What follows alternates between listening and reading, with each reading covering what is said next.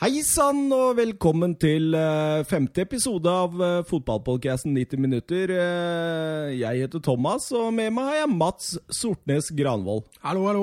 Vet du hva, hvorfor jeg kaller deg Sortnes Granvold? Nei, for det. Fordi når jeg skulle logge meg inn på striven din i går, så kjørte Apple en liten autokorrekt på navnet ditt. Vet du hva det blei? Nei, få høre. Det blei Sortnes Gravøl! Ja, det høres riktig ut. Det høres riktig ut, det. Ja, det passer jo fint i disse dager hvor eh, Barcelona røyk og Ja, Ja, det var vel egentlig bare der det passa. ja det, du, er, du er ikke glad i gravøl, Nei, det er jeg egentlig ikke, så sånn sett så passer det ikke. men du er glad i gravsmirnov. Ja, det kan jeg drikke. Gravsmirnoff er, er fint. Ja, eh, som sagt, eh, episode fem er her, og vi skal eh, gjennom eh, litt Premier League. Vi skal gjennom uh, gullkampen i Bundesliga, litt uh, Champions League. Champions League i dag òg? Ja, altså Champions League-kvalifiseringa, da. Oh, ja, altså, sånn, ja. ja. Fjerde, fjerdeplassen. Det, det er ikke kvalifisering engang, vet du, Mats. Det er fjerdeplassen, ja. Liksom fjerde, og, og tredje. Det er fortsatt kamp i Italia om tredjeplassen. Det stemmer, det. Ja. Nei, så vi eh, Vi bare kjører på, gjør vi ikke det? Vi kjører i gang. Ahaha! Ja,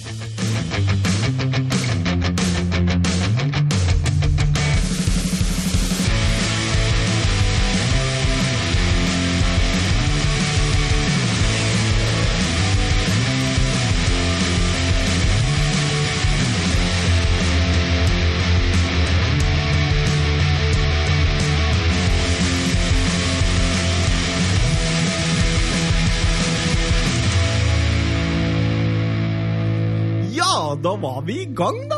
Vi var eh, Nå er vi på G, Mats. Ja, det er ikke lenge siden forrige gang vi satt der, så moro er det jo hver gang.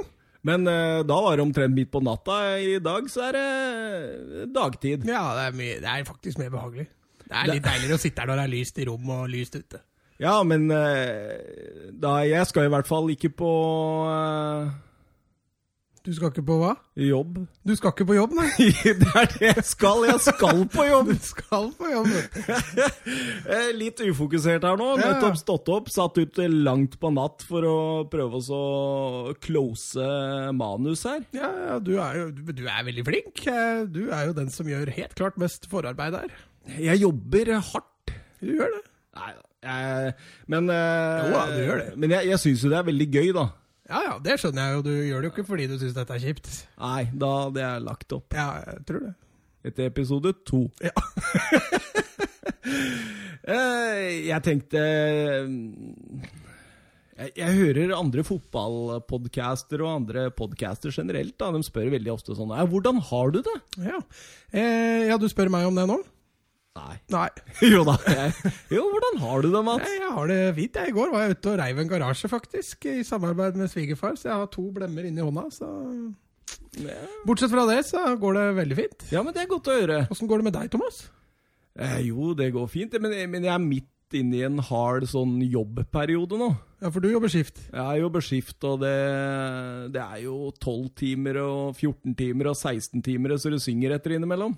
Men du sender meg jo snapper at du sitter og titter på fotball og Så så hardt er det vel? Er, er det så hardt, eller? Jo, altså, det, det går i bølger. Det går i bølger. Ja, det gjør det. Så når du har litt sånn ekstra tid og det kan være litt rolig, så kan man sitte og se gjennom Altså ha en fotballkamp i bakgrunnen, da.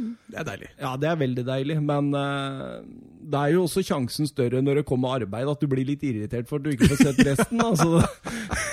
Det kan by på frustrasjon òg, vet du. Ja, så får vi håpe at ingen av sjefene mine ser, hører på nå. Nei, vi får krysse fingra. Nei da. Det, er- det er faktisk en sånn skreven regel om at, eh, at det er faktisk lov å titte på litt sport på jobben når det er eh, stille og rolig. Det er skreven regel òg. Ja, uskreven regel. det er uskreven, ja. ja.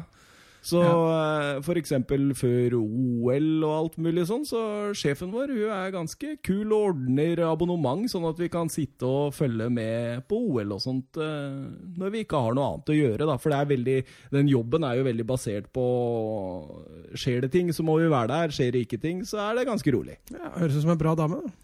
Ja, hun er veldig bra. Eh, bra sjef. Eh, nei, eh, Mats, skal vi gå over på det som er interessant for lytterne? Kjør på. I Premier League. Vi kan gå til, vi kan gå, til gullduellen litt seinere, men Og vi hadde jo egentlig ikke tenkt å prate om Manchester United denne gangen. De var jo ute av kampen om Champions League og sånt allerede på forhånd, men etter 1-1 mot Huddersfield borte og 2-0-tap hjemme på Old Trafford mot Cardiff, så føler jeg vi må prate om dem. Ja, Det er tunge dager for United-supportere nå, tror jeg. De, eh, de, er inne i en eh, blytung eh, periode. Nei, Man skulle gjerne vært flue på veggen i garderoben der og i styrerommet der eh, de, disse dager. Altså, for det er jaggu ikke lett å vite hva som har skjedd, og hva som kommer til å skje der. altså. Men tenk for en sesong. altså Du begynte med Mourinho, og så gikk det Det var sånn veldig misnøye med Mourinho. Og så kommer Solskjær inn, og så blir alt snudd til det positive. Altså United-fansen fløy jo fem centimeter over bakkenivå her. Mm, spesielt de norske. Ja. Eh, men det var gøy òg at Solskjær kom inn her og Ja, det var jo slitsomt da. snudde, flisa, snudde på flisa. Det var eh, Da tror jeg det var gøy å være norsk United-supporter og United-supporter generelt. Men eh, hva som skjedde etter at den kontrakta blei permanent, det, det, det er faktisk ikke så lett å se heller. For eh, jeg tror det må Solskjær også forandra væremåten, litt sitt, eh, væremåten sin litt etter at han blei ble permanent. Ja, tror du det? Altså, han, han var jo ansatt som en caretaker og skulle være der ut sesongen. og, og han, han kom jo inn og spredde humør, og når han fikk den jobben permanent, så, så måtte han jo begynne å planlegge på lengre perspektiv òg. Ja, for det har gått rykter om at han har skjelt ut Martial i garderoben, og at det forholdet ikke er så bra igjen. og... Ja, altså nå, nå, er jo det også bare rykter, da. Men uh, det kan godt hende at han har uh, gitt noe hårfønere. Det Men du, jeg, jeg kikka litt på Solskjæret nå. Jeg uh, måtte jo se de talla, og han blei jo midlertidig ansatt i, i, 2018, faktisk. I 19. desember. Mm. Da kom han inn, og vet du hva? Han åh, det er vanskelig å finne i papirene sine. Altså. Ja, ja, nei, men bare... det, er, det, er, det, er, mye tall her. Men totalt så har han spilt uh, 29 kamper. Mm. Han har vunnet 16. Ja. 9 uavgjort. Og Nei, fire Nå går det i ball! det er ikke så seigt heller, er det? Ah. Nei, vet du hva? Eh, da kjører vi på igjen. vi redigerer og begynner på nytt? Eh, gjør vi det? Nei, da kjører vi. Nei, vi, Nei, kjører, vi, du, vet hva, vi, vi skal ikke redigere. Nei, det er liksom blitt en del av den der podkasten. Ja, ja. Altså, vi har 90 minutter på oss, så du har fortsatt god tid. Ta Ole Gunnar Solskjær har totalt 29 kamper som leder for Manchester United. Han har 16 seire, 4 uavgjort og 9 tap til sammen. Ja. Henger du med nå? Jeg henger med. Før han ble fast ansatt, så hadde han 14 kamper. Mm -hmm. eh, Fy Nei, kom igjen, ta tida. di. det han hadde ikke 14 kamper. Jeg hadde ikke det, det er helt håpløst, dette. Han hadde 14 seire, to uavgjort og tre tap. Ja, Det var, at, det var før han ble fast ansatt. Ja. Og etter han ble fast ansatt, så har han to seire, to uavgjort og seks tap. Altså på de åtte kampene. Ja, men det er jo det jeg sa, at det har skjedd et eller annet etter at han ble fast ansatt. Uh, og det er klart De har jo hatt litt skadeproblemer og, og møtt noen bra lag, møtt en del bra lag, men uh, det er litt for tynt å bare skylde på det òg. De har to seire på de siste tolv etter Paris Saint-Germain. Mm. Etter den bragden de hadde på Ja, det inkluderer jo lag at de har møtt lag som Huddersfield og Cardiff uten å vinne. Ja, ikke sant? ikke sant? Og det er jo det Seira er begge hjemme. 2-1 mot uh, Watford. Watford og Westham. Ja. Det er det, det, er, det er det, han står igjen med etter Paris Saint-Germain. Mm. Og jeg, jeg, tenker jo litt nå eh, Hva nå? Altså, hvis man tenker hvis, altså, I forhold til hvordan jeg har tenkt, så tror jeg at han, han får muligheten dette sommeren. Jeg syns det ville vært rart hvis, hvis United sparker nå, selv om, selv om det også på en måte er forståelig. For uh, han starter jo på ingen måte med, med blanke ark neste sesong. Han, han, kommer til å få press på seg fra første kamp.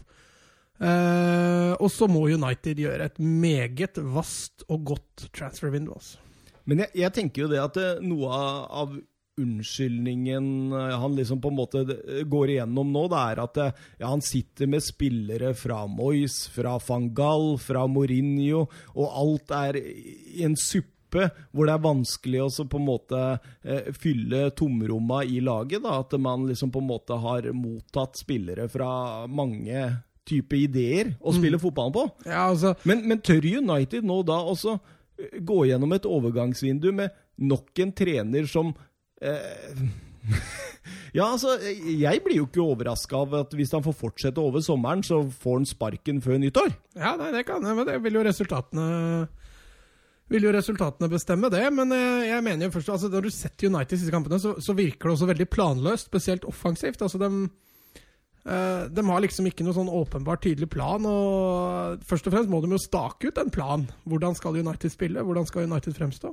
Og så må de jo hente spillere deretter, da. Ja, ikke sant? Og det er jo der eh, Solskjær kommer inn. fordi alle kjenner jo spillestilen hans og hvordan han egentlig foretrekker å spille fotball. Det er jo en 4-3-3. Eh, ja, altså, altså litt uh, relativt possession-orientert. Ja. Og sånn sett da, så har han jo spillere offensivt, mener jeg. Det er ja. jo defensivt det virkelig skorter her. Ja, så er det jo delvis midtbane, syns jeg. Ja, ja.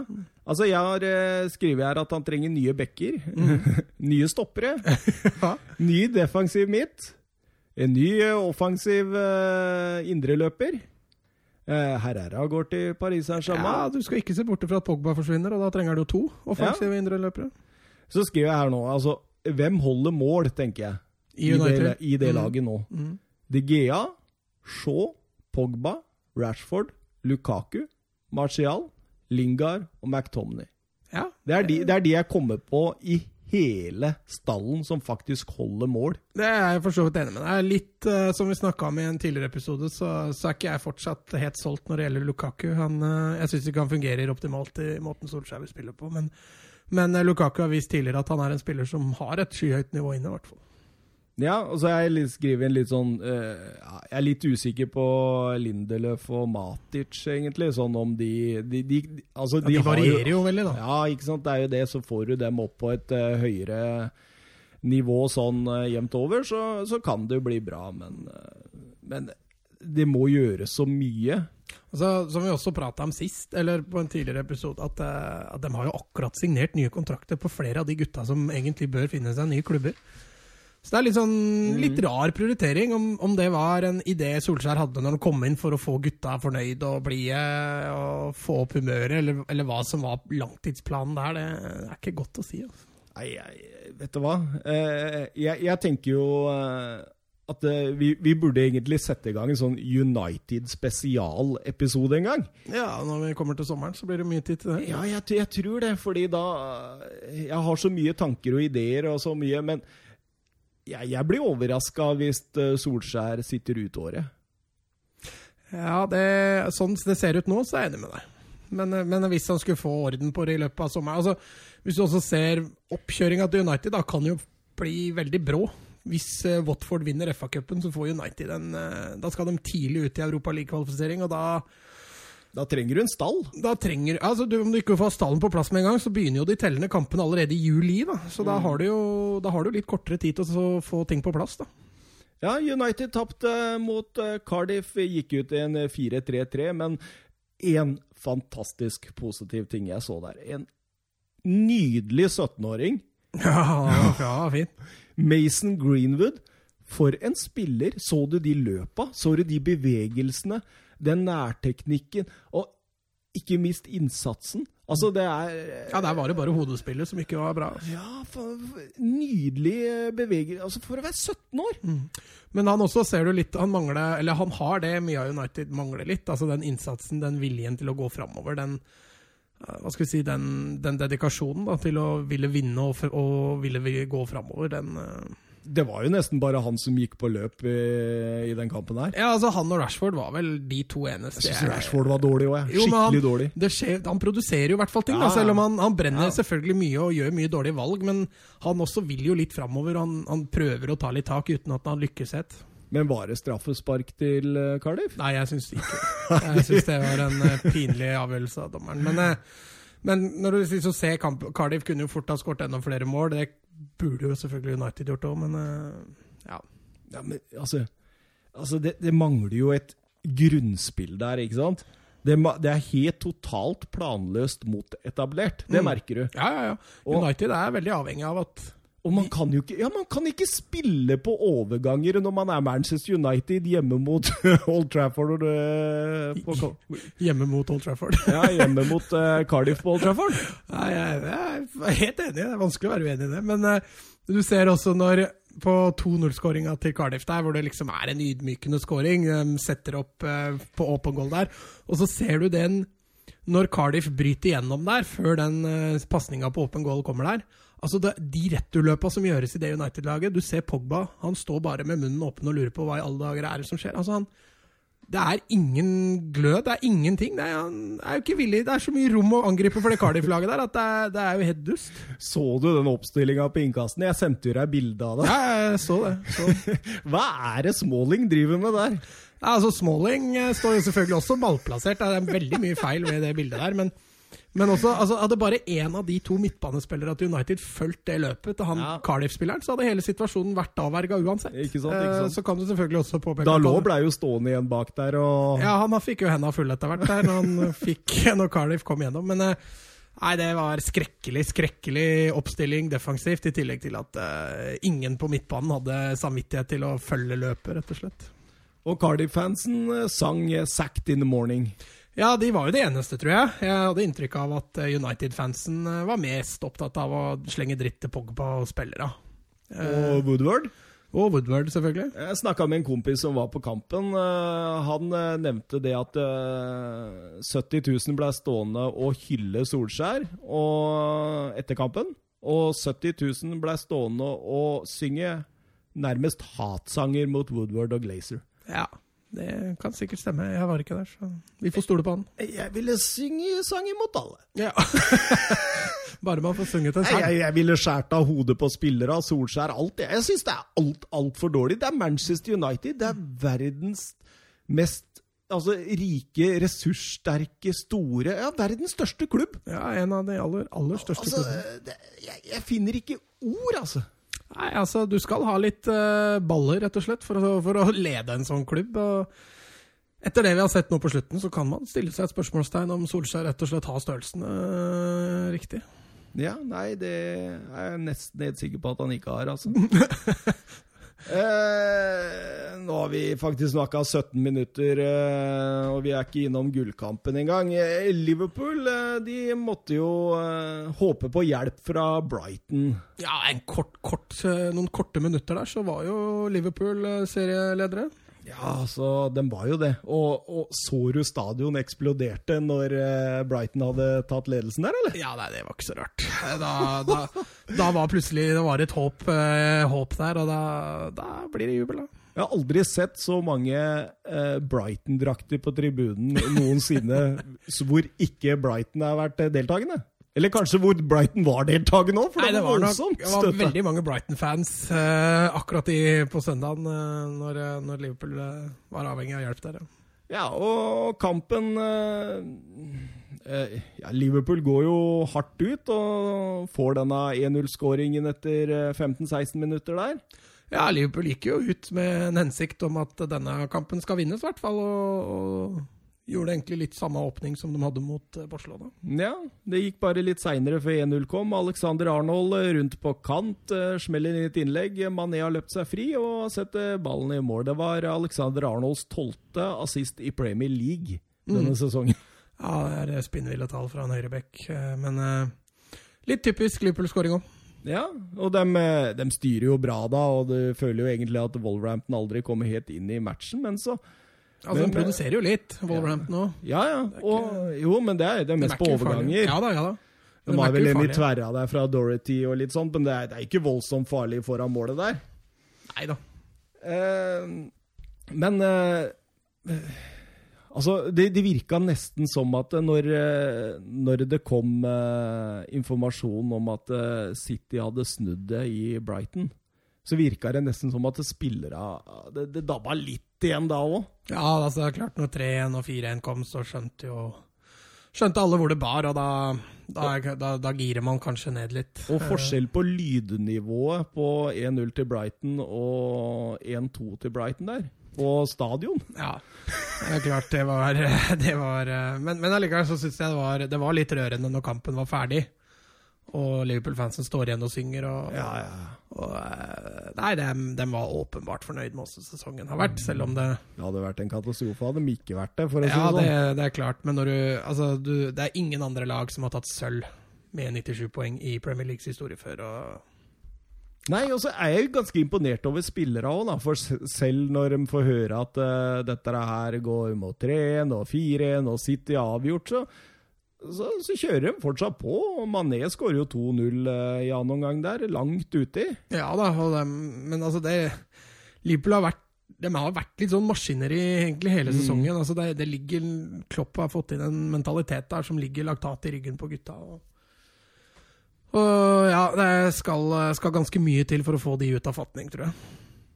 Det er helt fantastisk. Og nok en gang assist Alexander Arnold til Mané. Ja, den var, eh, den var enda bedre enn den første. Ja, men det jeg tenker på med Robertson og Alexander Arnold, de har jo ekstremt mange assist for å være backer, men det er ikke bare Alexander Arnold og Robertson som skal ha creds for disse assistene heller, fordi det, er- det kommer mye gode løp inn i boks. Ja, til altså- enhver tid, Og så, egentlig. og så er det så bestemt og så gjennomtenkt alt sammen. Altså, det, er, det er åpenbart at de trener mye på det. Og, og eh, Robertsen og Arnold har gode arbeidsforhold, som Ja, du sier. men så er de så flinke til å vurdere når skal vi slå høyt, når skal vi slå på bakerste, når skal vi slå langs bakken rundt, eller mm. ut 45. De er veldig flinke til å avgjøre det, da, og de løpa de kommer hver eneste gang. Ja, jeg er helt enig med deg. Vurderingsevnen er, eh, den er meget god på, på bekkene der. Ja, så det er Nei, jeg, jeg, jeg må egentlig innrømme jeg er fryktelig imponert over Liverpool i år. Ja. Fryktelig imponert. Det er, uh... Og jeg eh, det er, det er nesten sånn at man uh, unner dem den uh, Premier League-gullet. ikke Champions League. Det unner jeg dem ikke overalt i hele verden. Men uh, Premier League-gullet det, det er nesten sånn at jeg syns at de har vært mer imponer, imponerende enn Manchester City gjennom hele sesongen. Jo, altså, jeg, jeg, forstår at du tenker sånn, det, men allikevel så har de jo ikke det. For City er jo foran dem på tabellen. Uh, sånn at uh, det er vanskelig å ikke unne City det gullet heller. Ja, men City har tre tap mer. Jeg, jeg syns liksom det Altså, de, har, de, har, de ender jo opp på 98. Liverpool har eh, 97. Eh, 97 poeng uten å, vinne ligaen. Det er jo spinn vilt, faktisk. Jo, eh, det, det er helt riktig, det. Men eh, de har jo sju over, da, i motsetning til City, som bare har to. Så, så, så City har jo vunnet flere kamper enn det Liverpool har gjort i år. Ja, du kan argumentere for den veien òg. Mm. Du kan det. Men eh, åssen tror du det var å være Manchester City-supporter når Brighton eh, og eh, Glenn Murray header inn 1-0 der? Nei, du så Guardiola tok av seg jakka med en gang, så han, eh, han tenkte her, dette blir hardt. Nå må jeg på jobb! Eh, ja, Nå må jeg på jobb! Nå, nå må jeg begynne å jobbe her. Eh, Så, nei, altså, det var såpass tidlig i kampen at jeg tror ikke det var noen som ble veldig stressa, men Nei, og så tar nok du ett minutt, ja, jeg altså. tror det var veldig behagelig for dem å få den reduseringa såpass kjapt. Ja, det tok jo bare faktisk ti minutter, så hadde de snudd det. Det var jo Aguero til 1-1, og så Laporte kommer opp eh, på en eh, corner der. Ja, det er dårlig markering, altså. Han får jo gå opp helt aleine. Men Murray der, altså. Der, der skal han ha Laporte. Og i forkant, det som gir corner, der er det Murray som spiller bort ballen med en håpløs støttepasning. Mm. Så eh, Glenn Murray den eh, 1-2-skåringen der Hvis eh, alle Liverpool-fans nå kan bare rette misnøyen sin mot Glenn Murray, så Det kan ha kommet en scoring der uansett. City var ganske Ja. Og, og det var jo aldri noe tvil utover i kampen der. El Mares eh, Det ble ikke den helt store spenninga. Så du eh, Mares-finta før 3-1 der, eller? Ja, han sendte den, eh, sendte den rett i pølsebad. Fikk ikke sett helt hvem det var som gikk på den finta, men eh, den var solid. Ja, Det er Dunk som gikk på den finta. Jeg skriver her, eh, ser jeg i notatene mine, at Dunk eh, blei finta er det jeg skriver? Dette er skrevet i affekt, altså, så jeg skjønner nesten ikke skrifta mi engang. Men Dunk finta til pølsebota i boden i Østre Toten. Pølsebota i Østre Toten. Ja, da har du blitt finta langt. Nei, det var Ja, men den var eh, Det var en herlig herlig førstefinte som gir han eh, både tid og mulighet til å plassere. Ja, og dette er Premier League-gullet. Gratulerer, Manchester City. eh, Well played. Absolutt. Nå er det FA Cup-finale 18. mai mot Watford, og eh, da kan det bli en eh, hjemlig treble. Eh, det kan det bli. Eh, Nå har ikke jeg noen statistikk for det, men eh, det skjer jo ikke så ofte det at eh, ett lag vinner både liga, FA og serie. Nei, og eh, jeg tenker jo det at eh, det er, det er litt funny, da, for det jeg tror Guardiola van, kan vinne, da. Alt som han på en måte hadde litt mindre liksom. Altså Premier League, det, det var stort. Men eh, de to cupene Altså, han hadde ofra de for Champions League-finalen, altså. Jo, men jeg tror han i, i, i rundt mars måned der følte at nå, nå skal vi vinne alt. Nå, Ja, skal, men vi, nå skal vi ta alt. Men samtidig så har jeg sett et intervju med han hvor han sier det at uh, supporterne vil vinne Premier League, og jeg vil vinne Champions League, så da får vi inngå et kompromiss og vinne begge. Ja. Men han, han, altså han har jo slitt med å vinne Champions League etter at han dro fra Barcelona. Altså Ja. Han klarte det ikke med Bayern, han har ikke klart det med City. Nei, det er gnageren! Det er jeg, gnageren! jeg tror han eh, Ja, syns- føler litt på det. Fordi i, i Barcelona så var det liksom sånn Alle sier at ja, med det laget der Du, du måtte jo være nærmest uh, født bak en låvedør om du ikke skulle vinne noe med det laget der. Ja, men altså Når han tok over, så var det ikke så mange som tenkte sånn for Barcelona. altså Xavi og Iniesta og Messi og, og dem var jo ikke helt på topp. Og det blei dem jo under Guardiola. så Han gjorde jo veldig mye riktig. Sendte Ronaldinho på dørjorden. Ja, det var det første han gjorde. Eh, Så det er tydelig at han veit Han vet jo veldig godt hva han vil, og, og måten han vil spille på, spilletypen han vil ha i troppen sin, og, og, og sånne ting. Og, eh, men han, han hadde jo ikke det presset på å vinne Champions League i Barcelona. Eh, det presset har jo vært mye større i Bayern og City. Altså City har jo ikke vært i en semifinale ennå engang. Nei, de har jo egentlig floppa i Champions League. Ja, men du så jo det tok jo litt tid før Chelsea også kom langt i Champions League. Og tatt, PSG er jo fortsatt ikke der, og City er ikke der. Så det er tydelig at eh, historikk og, og litt sånne ting også spiller litt inn i forhold til sånne ting. For det er jo ofte laga med god historie i Champions League som gjør det bra i Champions League òg. Ja, og sånn sett så får vi jo en finale da, hvor det ikke er eh, så veldig mye rutine i Champions League, sånn i hvert fall i de siste avgjørende faser. Ja, Liverpool var jo Champions League i fjor, da. Ja, men det er jo også det omtrent nå på mange år. Det ja, var vel var vel når de vant i Istanbul i 2005, men Eh, men eh, Tottenham har jo eh, mildt sagt ikke så lang historie der. Da må vi mange år tilbake i tid før vi finner Tottenham langt i en Var det mest- Da var det da? serievinnercup det het den gang. Så nei, det blir, det blir artig. Ja. Nei, det blir nydelig. Jeg, jeg tenker det, Mats, eh, at vi eh, runder av Premier League Vi kan avslutte med Brightons nye med Brightons manager. det skjedde i går, det. Chris Huton. Adios.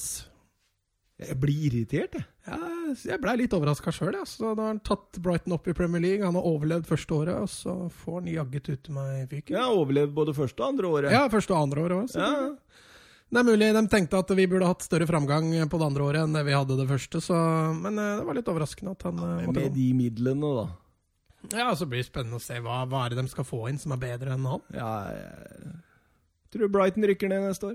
Det kan, eh, kan jeg være Du i. hørte dere det først her, for å si det sånn. Ja. Det er helt håpløst. Og det, det er nok et bevis på at det sitter jo mange fotballedere, tenker jeg, som ikke helt har peil på hva de eh, gjør. Sitter med mye penger og har fått litt makt, og så plutselig er de eh, Ja, Brighton har vel ikke mye penger, dem, i forhold til konkurrentene sine heller. Nei, men jeg tenker på eiere og sånn. ja da, det, det, sånn sett er det jo greit. Men eh, nei, jeg, jeg var over, har ikke mye penger, nei. Det var overraskende. De kjøpte, kjøpte vel han der Jahan Bach for en god, ganske god sum etter VM. Ja da, de har jo brukt det. Altså, alle lag som spiller i Premier League, har en del kroner. Det er ganske lukrativt å spille i Premier League, men eh, hvis du ser opp mot de konkurrentene og de de skal konkurrere mot, så er de jo ikke noe særlig rikere enn de. Men som Tottenham, for eksempel. eller? Ja, men eh, vi får se da når Brighton bygger ny stadion, om de har like mye penger da. Ja, skal sies det at uh, Pochettino får nok eh, Pochettino får, en del, eh, får nok en del eh, penger i sommer, tror jeg. Det kan godt være. Skal vi gå over til La Liga, eller? Kjør på. Ja. Jeg, Ja, eh, du, jeg tenkte jeg bare skulle quize deg litt før vi går videre. Åh, oh, nei. Sette press- om Premier League? Sette, sette press på. Bare de, bare de enkle, da. Nå sa jeg jo de tre toppskårerne i Premier League til deg i stad, men kan du nevne de to neste? Det må jo være Harry Kane, da. Det er ikke Harry Kane. Hæ? Det, det, men dette her er sånne spørsmål da, som gjør at podkasten blir helt på trynet. Fordi jeg vil bli sittende da og bruke tid på Ja, å det er greit. Greit, greit, greit. Men det var Aguero og Vardy som var foran Kane. Ja, ok. Jeg, jeg, jeg trodde du mente at jeg, de tre øverste Nei, dem sa jeg jo til deg i stad. Ja, jeg trodde du mente at de tre øverste nå var borte, Mm. og at jeg skulle nevne nummer fire og fem. Ja, det var det jeg mente. Ja, var det det? Ja. Men Aguero på nummer fire? Aguero har 21. Vardy har 19. Ja, Hvem er tre over der, da? De tre over er Salah, Aubameyang og Mané. Kom Mané opp dit? Mané har 22, Aubameyang har 22, Salah har 22. Det er det jeg tenkte når, eh, når Mané skårte der, at han har eh, vært eh, mye bedre enn Salah i år. Så kan vi avslutte med hvem som har flest gule kort, da? Det Et kvalifisert gjetning der? Ja, det er eh, Shane Duffy. Nei, han er faktisk ikke på, på topp fem engang. Da. Er det Nei, det er noen beinbrekkere, men det Ja, altså Det er en av favorittspillerne dine fra Bournemouth-Tottenham-kampen. Ja, Lerma, ja. Han ligger på tredje, og så er det tidligere Tottenham-stjerna Capoe som, eh, som er eh, styggeste spilleren i PL. Til tross for ikke veldig mye spilletid på slutten her. Nei, han eh, han klarte allikevel å samle opp nok. Men da kan vi gå til La Liga. Ja, så skal vi gå til La Liga. Der er jo gullet avgjort for lenge siden. Det stemmer. Der er det, var det kun spenning rundt siste nedrykksplass og uh, siste CL-plass. Ja, og CL-plassen, den er det jo kamp om. Den er det fortsatt kamp om. Eh, Jeg tenker eh, Barcelona-Getafe. Den satte jeg meg ned for å se på. Ja, med Gravøl-innlogginga. Med gravølinnlogginga. Jeg Det var ikke fordi at jeg var så veldig spent på kampen. fordi når jeg så oppstillinga til Barcelona her, så tenkte jeg at det vil bli grei skuring. Mm. Men det var mer fordi jeg var veldig spent på dette Getafe-laget. Ja, det er nok flere som er, tror jeg. Ja, fordi eh, jeg har jo ikke sett veldig mye Getafe i år. Og siden de da ligger og kjemper om den siste plassen, da, så, og jeg har snakka med deg, og du sa det er litt sånn ødeleggende murbrekkerspillestil, så måtte jeg jo se dette, for jeg syns jo det er veldig gøy. Så da, du kan jo si at dette er motpolene som møter hverandre, da. Ja, det kan du. Og eh, Barcelona sleit innledningsvis. Ja, jeg tror de måtte riste av seg den eh, kampen de hadde i midtuka. Det, det tok en halvtime før, de, før det ble litt tempo på det. Og Getafe fikk eh, mange bra muligheter til å ta ledelsen både én og to ganger der. Absolutt, men eh, Barcelona eier jo mye ball, og du ser at eh, Getafe skal jo stå godt i blokka og skal kontre. Det er jo det som er planen der. Ja, det funka bra første halvtimen. Men han Molina han er en fæl type, eller? Ja. han har fått eh, Men han har fått mye mål òg. Ja, han er nydelig på Og så De mangla vel Mata, Jaime Mata. Det, var vel, det er vel den beste spilleren dem sånn, egentlig, er det ikke det? Jo, og så er det jo den spilleren med, med høyest verdi, så Han, Det var et slag for dem, det. De hadde Angel og han var ute med gula, han eh, Mata. Så han er tilbake i neste. Stemmer. Ja. Eh, 1-0. Vidal. Altså Den, den frisparkvarianten som Barcelona har der, hvor Messi slår den hardt mot første, egentlig, hvor Piquet går tidlig inn.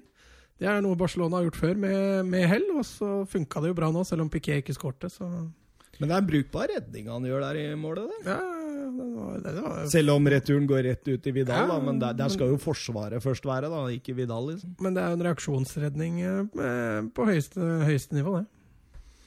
Så ebber eh, mm, det ut med 1-0 etter første omgang, og eh, Barca kjører av noen gang noe voldsomt, egentlig. Da, da har Getafe mer enn nok med å prøve å komme seg oppover i banen og starte noen kontringer. Ja, det var ikke, De hadde ikke så mye å stille opp med i andre omgang. Da kontrollerte Barcelona det i mye større grad. Så du eh, Coutinho, forresten? Han eh, Han blir bua på nå. det er, det. Men, men samtidig så var det visst en annen del også av fanskaren som var veldig motsatt igjen. Ja. Som skulle virkelig si det at vi buer ikke på deg, Coutinho og sånt. Så det er, det er jo tydeligvis splitta på tribunen der, da. Ja, da, altså, altså det, som litt, det som er litt i Spania, da, de har jo ikke sånne I England så er det jo veldig mye spillersjanger og sånne ting. Det, det er det ikke så utbredt med, med i Spania. og Det er mest, Mest enten jubling eller buing når, når de er fornøyd med spillere, og, og, hvite flagg når de er veldig misfornøyd. Og så ser du Coutinho nå han, altså Det er så mye mangel på selvtillit, og det er, eh, altså han, er ikke, han er ikke komfortabel. Men det var fælt som han lekte med Damien Suárez der etter 57 minutter. Eh, legger ballen nydelig inn bak eh, Getafe-forsvaret. Til Piquet der. Ja, ja. Den, den, var veldig fin. Men uh, Ja.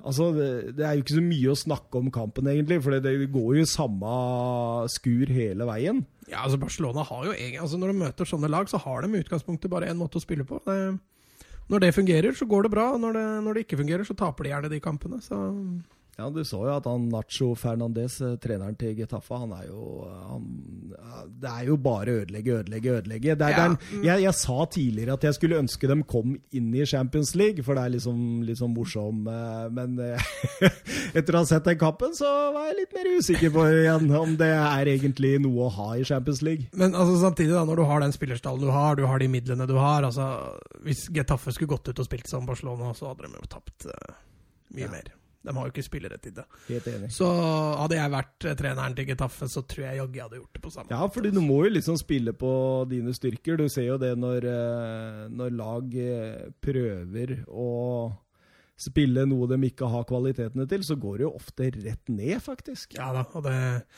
Jeg tror Getafe hadde vært en god del lenger ned på tabellen hvis de skulle spilt mer ball, hvis vi kan si det på den måten. 2-0. Messi han leker der, spiller vegg med Roberto, er det vel, og får tilbake ballen. og ja, Det er vel et selvmål til slutt, er det ikke det? Ja, så var det vel ikke et helt eh, med, med mening veggspill. Det er vel Getafe-spilleren som slår han bort, bort til Roberto, han får ned. Og så er det vel nesten samme Getafe-spilleren, tror jeg, som skyter han eget mål. så... Men eh, det er jo Messi som setter opp, og selv om det ikke var med vilje, så var det jo pent å se på. Ja, og med dette så inviterer Getafe Valencia inn i kampen. Ja, ikke bare inviterer, de ga fra seg fjerdeplassen òg. Ja, for det er innbyrdes er vel Valencia best der? Valencia er bedre enn Getafe på innbyrdes, og da i Spania så teller jo målforskjell som tredje sist, eller tredje ja, det er først. Helt rart. Det er helt rart. Så det er først poeng, og så er det innbyrdes, og så er det målforskjell. Uh, og da er det Valencia som i øyeblikket da ligger på, på fjerde, etter at de uh, fortjent vant til slutt 3-1 over Alaves. Nesten 40 000 tomme seter på Camp Nou. Eh. Ja, det var vel også et lite signal. Eh, men samtidig, eh, hjemme mot Getafe er ikke den kampen som trekker flest tilskuere heller. Når seriegull også allerede er sikra. Men det var mange skuffa katalanere i Barcelona etter, etter tirsdagen. Og du så jo allerede avisoverskriftene til Mundo og, og, Sport, så var det Det er mye snakk om ny trener, mye snakk om bytting av spillere, så det er stor misnøye i Barcelona. Seriegull og Copa del Rey-finale er rett og slett ikke nok lenger. Så det du sier er at vi må ha en uh, egen uh, bonusepisode om Barcelona også, altså? Ja, da har jeg mye å komme med, i hvert fall. Jeg har mye meninger. ja, det, det, det, gleder jeg meg til. Eh, skal vi gå over til kampen uh, Valencia mot Alaves? Altså Valencia som vi har avslørt gikk forbi Getafe? Ja, vant fullt fortjent mot Alaves etter en litt kronglete start, så så var det en, en fortjent seier. Alaves, som vi har nevnt tidligere, har en forferdelig form. og De kjempa jo for ikke så altfor mange måneder siden om fjerdeplassen i La Liga. Nå, nå ligger de jo nesten midt på tabellen, så de har rast. Ja, og i likhet med begge oppgjørene mot Arsenal, så går Valencia knallhardt ut og tar fullstendig styring av kampen fra første spark på ballen. Ja, eh, de, de, eh, de ville dette her mest. og de bommer på et par store sjanser til å begynne med, og så får Alaves en uh, scoring på corner. Uh, skulle tro kanskje de ble litt stressa, men uh, de fikk reduseringa si ganske kjapt. Ja, for i motsetning til Arsenal-kampene der Arsenal uh, tok mer og mer over, så, så gønna de vel egentlig bare videre på og spilte ja, altså, en imponerende offensiv kamp. Ja, altså jeg, Valencia har, altså Innledningsvis i denne sesongen, fram til jul egentlig, så var Valencia utrolig svake framover. De skårte få mål, de slapp også inn få mål. Den våren her så har det vært noe helt annet offensivt. De har skåret mange flere mål. Og de har også sluppet inn noen flere mål, men, men, det er mye artigere å se på Valencia nå. Eh, det, det, oser litt mer av dem. Gameiro ser jo plutselig ut som han er en toppspiss igjen. og, og Rodrigo og Santimina har jo alltid levert bra for, eh, for Valencia. Er, ja, Carlos Soler skåret sitt første mål i La Liga i år. Ja, den fikk han jo servert eh, på en gave fra, fra, Get, nei, fra Getafe. Fra, fra Alaves. Dua- Al- Duarte hos Alaves. Men, eh, men samtidig eh, Han skulle jo hatt et til der. Han brente en ganske klar sjanse på 3-1. Ja. Men han eh, Det var en spiller som var fantastisk i fjor. Ja, Soler var bra i fjor. Han har slitt litt med skader i år, og så har han ikke klart å finne igjen den formen han hadde. Men hvis jeg ikke husker rett vel, så er han fortsatt bare 22 år og er, har fortsatt mye framtid. Um, men den dårlige sesongen her gjør nok i hvert fall at det ikke blir så vanskelig for Valencia å holde på han til neste sesong. Så når du da har eh, Soler og Guedes på hver sin kant, du har Rodrigo og Gameiro forover eh, på, i banen der Jeg tror faktisk Marcelino prioriterer Santimina før eh, Gameiro. Ja, for han, han kom jo inn, da. Han har blitt en sånn slags uh, Ja, det er blitt en Solskjær light. han. Han fikk, han fikk muligheten mot Arsenal, men, uh, men denne sesongen så er det har han City starta mest kamper fra benken.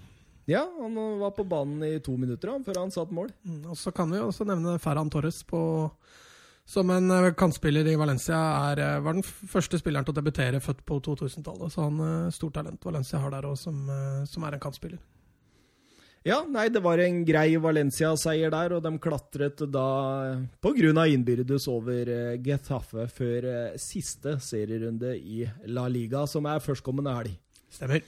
Ja, eh, videre. Det var jo ett lag til som hadde sjansen til å blande seg oppi der, men de eh, hadde et hardt eh, bortemøte mot eh, Atletico Madrid, og da snakker jeg om Sevilla. Ja, de, men allikevel så kommer Sevilla veldig godt fra det på sånn, hvis du ser banemessig. altså det var en jevn fotballkamp, eh, med tanke på at Sevilla har surra og styra og ordna fælt mot enkle lag. altså Snakke tape 3-0 hjemme mot Leganes, og så reiser du borte mot Atletico, så spiller du 1-1 i en kamp hvor du er like god som det laget som ligger på, på andreplass. Så nei, Sevilla de har variert altfor mye, og det ser nå ut til å ha kosta dem eh, Champions League, rett og slett. Jeg syns det var en kjedelig fotballkamp, for å være helt ærlig med deg. Mm, Det var, to ja. lag som lå ganske defensivt godt kompakt i, eh, i skåla der, holdt jeg på å si, og Ja, altså Atletico gjorde jo egentlig det de skulle, for de trengte jo ett poeng for å sikre sølv, og, og fiksa det greit. Og Sevilla greide jo Sarabia burde kanskje hatt et mål til, men han har vært god i år. Sarabia har vært veldig bra. Eh, og så kunne Party, Party, Party Thomas Party Thomas Partey burde, Party! Hatt, burde hatt en scoring der. Og så får vi se. Det er jo sterke rykter nå i de spanske avisene om at eh, Coutinho skal ut og Griezmann skal inn til Barcelona. Så får vi se om eh, siste sesongen Griezmann spiller i Atletico. Ja, nei, det Det blir spennende å se. Eh, altså, den kampen er, Det er liksom ikke så mye å si. Altså, begge måla går jo via en forsvarsspiller og i mål, sånn at eh, du på en måte, det, det sier litt om kampen, tenker jeg, da, for det var alltid mange mann bak ballen. Eh, det er litt morsomt det 1-0-målet til Kåke, for der kommer han oppover, og så ser han ah, jeg har jo ingen å spille til, jo! og så bare lemper han av en lompe som går innom Simon Kjær, og setter keeperen helt ut av spill. Ja, altså, Atletico Madrid virka nesten litt sånn Den er ferdig med sesongen. Ja, altså, du har det Griezmann, han prøver litt, tar et nydelig overhopp der, spiller fin vegg og Altså, det er, Han glimter til litt. Sevilla de prøvde jo lite grann. De trengte jo en seier, helst. Og, men, men nå er nok det toget kjørt. De er dårligere enn Getafe, både Getafe og Valencia på innbyrdes. Så det er avhengig av at både Getafe og Valencia taper siste kamp, for at de sjøl også da vinner. Ja, så jeg tenker jo de er ute av det, og at eh, jeg, jeg tror nok Valencia sikrer den fjerdeplassen nå. Ja, altså de, de har jo også vist egentlig en ganske god form. Altså Du kan jo bør ikke se bort ifra kampen mot, uh, mot Arsenal, men i La Liga så har det fungert veldig bra. Nå møter de Valladolid borte i siste kamp, og Valladolid sikra jo plassen i, i helga, så de har jo heller ingenting å spille for, så Nei, det går mot, uh, mot en, eh, et Valencia i, eh, i, eh, på fjerdeplass, i hvert fall. Så får vi se Getafe. De, eh, de også har jo for så vidt eh, en enkel kamp mot Villarreal, som heller ikke har noe å spille for. Så. Ja. Skal vi nevne Real Madrid i denne podkasten, eller skal vi bare Altså, Real Madrid har jo vært altså, Det har vært ganske tynt de siste dagene, eller de siste Det er tre trenere i løpet av sesongen. Ja, de, de, men de har vært ferdig lenge. altså Røyk ut av Champions League, de har vært ute av Copa del Rey. De har Ingenting å spille om i La Liga. Eh, som jeg har sagt tidligere i episoder, så driver Zidane fortsatt og eksperimenterer litt, som jeg tror er fornuftig. Det er treningskamper. Ja, det blir litt treningskamper over det. Ja. Nå skal det jo sies at eh, Real Madrid har gjort det fryktelig dårlig, altså. Det har vært eh, Selv etter Zidane så har det vært få lyspunkter. Men, men, med den sesongen der, det er ikke noe styrketegn for ligaen at de fortsatt liksom har sikra seg tredjeplassen, liksom? Nei, på ingen måte ikke, men uh... Hadde det vært i England, la oss si Du, du kan jo sammenligne det litt med Manchester United. Da ryker Champions League-plassen, altså. Ja, det, det, er nok helt riktig. Nå, nå, er det såpass jevnt bak Real Madrid at uh, lagene taper poeng ganske ofte. Uh, som gjør at de har flere feilskjær å gå på. Så det er ikke noe styrketegn for ligaen at Real Madrid kan bruke de sju-åtte siste kampene som treningskamper og likevel sikre tredjeplass. Også. Kanskje det blir en bonuspodkast om Real Madrid også? Ja, fort se. Eh, Nedrykksstriden, skal vi si noe? Girona er vel nesten klar eh, for eh, ja, de sekunda? trenger jo et, uh, trenger et mirakel. Nå sa vel du i stad at Celta og Girona står likt på innbyrdes, så der er det jo målforskjell som teller. Og da, da hadde, var, det, var, det, sju mål, sju mål var, var differanse der. Og mm. Girona må vinne da med et par mål borte mot Alaves, og så må jo Celta Vigo da tape med et par mål hjemme mot Rayo Volcano, som, som allerede har rykka ned. Så. Ja, det blir mer òg. Det blir en tre-fire mål, faktisk. Ja, så jeg tror vi, vi kan sende Girona ned i Ja, Celta. Vigo på sin offisielle Twitter eh, gratulerte jo seg selv med videre plass i La Liga. Å oh, ja. Ja, ja. Det er som en jinxa, den der, da. Ja, men da kan det hende det blir litt eh, kamp allikevel. Ja, og eh, det samme gjorde egentlig Girona. De takka oh, ja, de, fansen for de, at eh, vi, ja, nå har vi rykka ned, vi kommer sterkere tilbake. De jinxa han tilbake igjen der, ja. Nei, men da kan vi gratulere. så det er en dobbel jinx der, så får vi se hvordan det ender. Det. Ja. ja, nei, det da, som vi sier, vi tror eh, Valencia tar det til eh, slutt, den eh, fjerdeplassen. Og at det blir ikke så mye spenning i siste serierunde der. Nei. Skal vi avslutte med en kjapp quiz, eller vil du ikke? Tør du ikke? Men, men da er det jo egentlig jeg som burde spørre deg, da. Det er du som er La Liga-eksperten her. men, altså, Toppskåreren i La Liga den blir for lett, så den, den står vi over. Ja, ja. Men klarer du de to som er bak? De har like mange mål. Oi, oi, oi. Veldig kjente personer, altså. Antona Griezmann. Nei, han er ikke på topp fem engang. um, nei, jeg må jo To klassiske spisser på to av de største lagene i Ja, Benzema. Selvfølgelig er det Benzema. Korrekt. Det er, det er godt gjort å komme seg opp der med den sesongen de har hatt. Han har hatt en veldig god vårsesong, Benzema. Han har redda seg inn uh, etter at Zidane kom over. For så vidt i kampene før Zidane tok over også. har uh, Benzema har vært en av få lyspunkter i Real Madrid, egentlig. Skåret ja. uh, masse fine mål. Det er vel Suárez den siste? Helt riktig. Ja. bedre ut av det i La Liga-quizen enn i Premier League-quizen. ja, det var... Uh, men, men, men, faktum er jo det at jeg, jeg også sitter jo egentlig sånn uh, på slutten av sesongene og så ser hvem blei toppskårer, hvem blei ditt, årets lag, datt, ikke sant? Mm. Men, men, nå må jeg, på grunn av denne podkasten, så må jeg se så inn i gamperæva mye fotball! Ja. Som gjør at liksom, du får nesten ikke tid til å gå gjennom det der, der på slutten, men det skal jeg sitte og kose meg med i kveld. Ja, Så får du quize meg neste gang, da. Oh, da skal du få igjen. Da skal du få igjen. Um, vi går over til Serie A, vi. For der var jo uh, kamp om både tre- og fjerdeplassen, faktisk. Ja, det vil jeg jo si det er fortsatt. Det er det fortsatt. Uh, Atlanta starta ballen mot Genoa. Atalanta, ja. Atalanta, ja. Hva sa jeg? Atlanta. Det blir feil. Ja, det For det er en by i eh, USA? Ja, men vi flises ikke så mye. Det går fint. Jeg skal overse det. Men du er ganske flink til det, skjønner du. Jeg skal overse det nesten. Og jeg er ganske flink til å snakke litt feil innimellom, så da Sånn sett så blir det klovnepodkasten her. Plovnepodkasten. vi kan jo ta med at det er litt spenning rundt Erik òg. Det er ikke avgjort hvem som tar følge med, med Frosinon og Kiev og ned. Nei, men Atalanta de kom fra en kruttsterk borteseier mot Lazio. Ja, det var, det var sterkt. Og eh, hadde mulighet til å true seg inn på tredjeplassen nå. Eh, De lå jo på tredje helt fram til i går. Ja, fire seire på rad og har ikke tapt en fotballkamp siden 23. februar.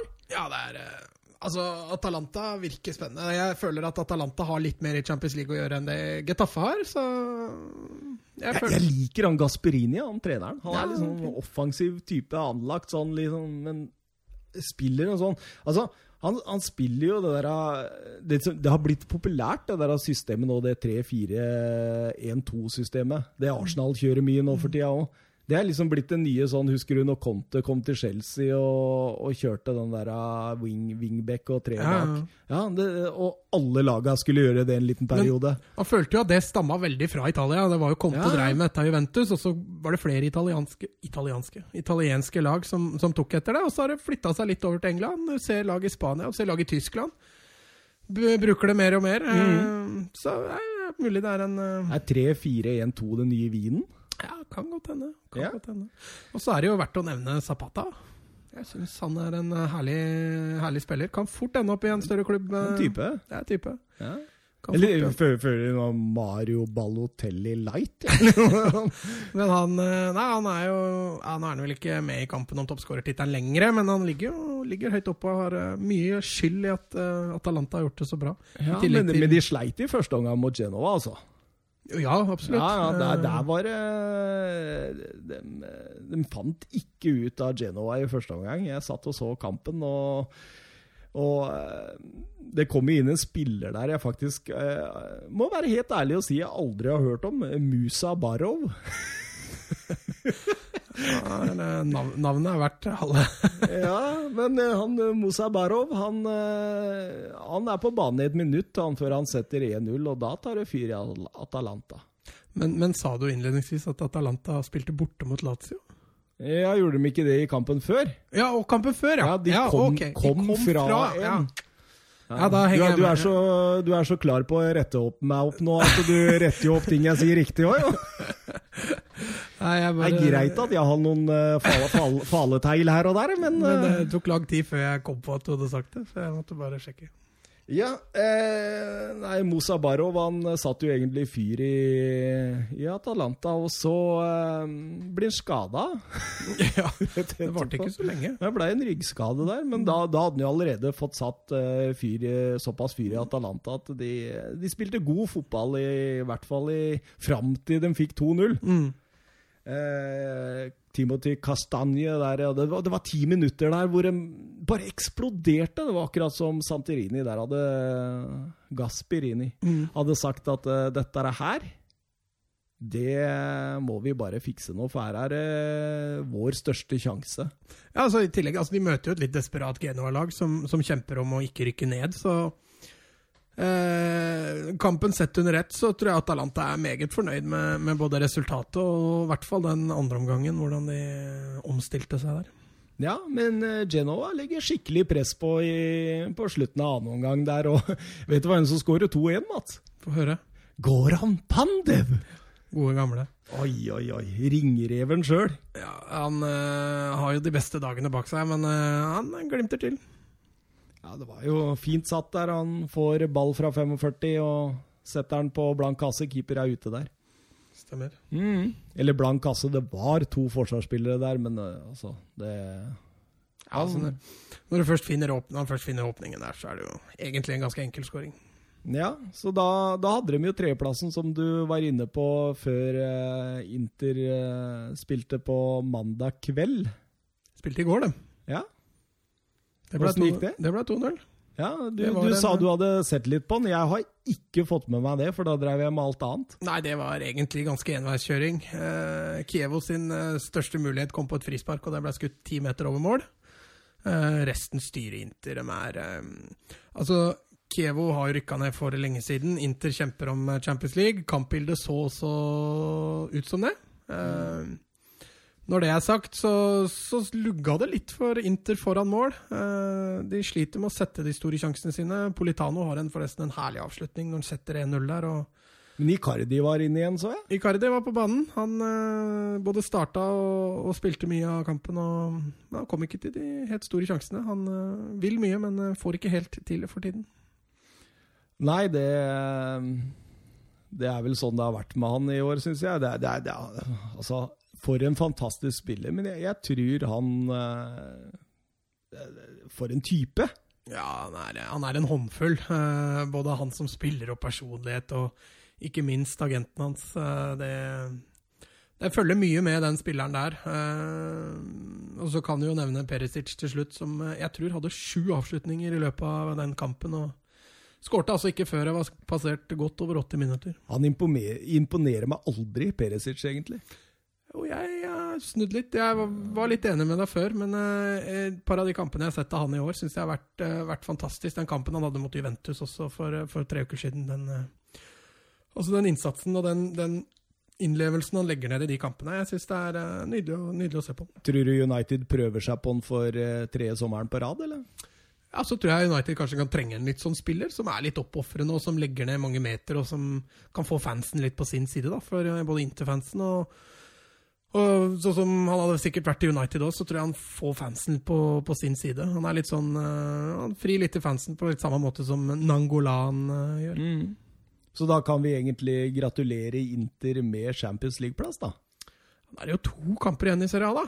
Ja, så... men, men Altså, det skal jo ikke gå. Jeg, jeg, sitter og ser her nå at de har jo De har Napoli borti neste. Men Empoli siste, ikke sant, hjemme. Ja, de trenger jo strengt tatt bare tre poeng, og slår dem Empoli hjemme i siste, som De kjemper jo riktignok mot nedrykk, men eh, Napoli har ingenting å spille for. De har sikra den andre plassen uansett. Ja, Når jeg tenker meg litt om, så tror jeg kanskje jeg er enig med deg. Ja, jeg, jeg, tar sjansen på å gratulere Inter med den plassen. Altså. Så blir ja, det, Kanskje ikke tredje, da, men at de får i hvert fall topp fire. Det er jeg enig med deg. Det skal mye til om ikke de mm. får til det. Så blir det en kamp da mellom Atalanta og Milan og Roma om den siste? Ja, nå skal vi jo snakke dypere om Roma og Juventus etterpå, men uh, Milan fikk, uh, etter å ha gått uh, to kamper uten å vinne, så fikk de endelig en seier i helga, dem òg. Ja, det Men han eh, den polske spissen som kom fra Genova der Piatek. Eller heter han Pjontek, tror jeg han faktisk heter. skjønner du? Mm. Egentlig sånn, Det skrives Piatek, men Krzysztof Pjontek tror jeg er det riktige uttalelsen. Eh, hva har skjedd med han nå? Fordi eh, det begynte jo fantastisk, men nå har han vel ikke skåret på lang tid? Nei, jeg har gått noen kamper, men han starter heller ikke. Gattusso har jo et veldig rulleringssystem innad i Milan. og jeg vet ikke, Det kan jo også påvirke spisser, det, når de uh, ikke får starte å spille hver kamp. De blir rullert på med jevne mellomrom. Jeg tror kanskje han hadde fått enda flere skåringer hvis han hadde vært mer fast, hvis vi kan si det på den måten. Ja, han fikk starte på topp i hvert fall i denne kampen mot Fiorentina. En uh, artig trenerduell da, mellom Montella og Gattuso. Det er to gamle eh, favoritter, kan man si det sånn? Ja, to, eh, en gammel Milan-trener og en, en, ny en, holdt jeg på å si. Men eh, Gattuso gikk ut i en eh, 4-3-3, det samme gjorde Montella, og det var jo egentlig sånn Man, man syns jo den kampen Når man satte seg ned og så på den, altså man gleda jo seg litt til den. Fordi det er jo en del sånne artige spillere ute på banen der òg. Bakayoko, interessant å se hvordan han gjør det på lån fra Chelsea. Du har eh, Suso, som har vært linka til Premier League en rekke ganger nå, etter fadesen han hadde på Anfield. Mm. Og, Borini? Eh, Borini. Borini er jo Borini. Du, du, får jo knallhard innsats, og that's it, liksom. Mm. Ja da, og de har Altså, Milan har de har en stall med, med mange toerspillere, kan vi si det? Ja, altså, de har liksom ikke så mange enere, men de har veldig mange toere. Ja. Og da, da, blir det jo litt en sånn nesten-lag, da. Det sier seg sjøl. Eh, de har jo en keeper som var hausa opp i huet og ræva for et par ja, år tilbake. Men Han var god i denne kampen her, altså. Ja, denne kampen her var ja. han god, men han har jo fått mye skriverier i siste om at uh, han har begynt å tape seg litt. Men han er jo litt, uh, han er jo litt merkelig, han der òg. Jeg tror liksom det er sånn eh, få broren sin til laget kun pga. han. Hvis ikke så skriver han ikke under kontrakt og litt sånn. Altså, det ja, Litt sær. Ja, litt sær. Ja. Men han spilte en veldig god kamp mot Fiorentina. Han eh, kan på mange måter si at han var matchvinner i den eh, kampen. Altså. Ja da, absolutt. Han har, han har, han har jo en stor rekkevidde. Eh, og er eh, fysisk robust til å fortsatt være, være bare 19 år. Er det det han er nå? Ja, det er vel noe sånt noe. 1-0. Eh, Hakan Åssen eh, sier man det navnet der, Mats? Kalagnjolokoko? Vi kan bare si Hakan. Det er. Vi, vi sier Hakan. Eh, han setter ballen i mål. Eh, ute til høyre, får et knallhardt innlegg. Eh, og det er nydelig satt med hodet der i lengste, altså. Ja, kontrollert og bra satt. Eh, forresten Bakayoko som vinner ballen der, sånn at de får satt i gang det. Jeg mener jeg husker i første episode at jeg sa jeg var uh, imponert over Bakayoko, det han har hatt denne sesongen. Han, mm. uh, han fortsetter jo bare. Han spilte en bra kamp. Han spilte en bra kamp, han, han har spilt bra kamper tidligere òg. Jeg tror Milan har uttalt at de gjerne vil kjøpe han. Så de er jo også fornøyd med han. Da får man se om de får det, da, siden denne overgangsnekten.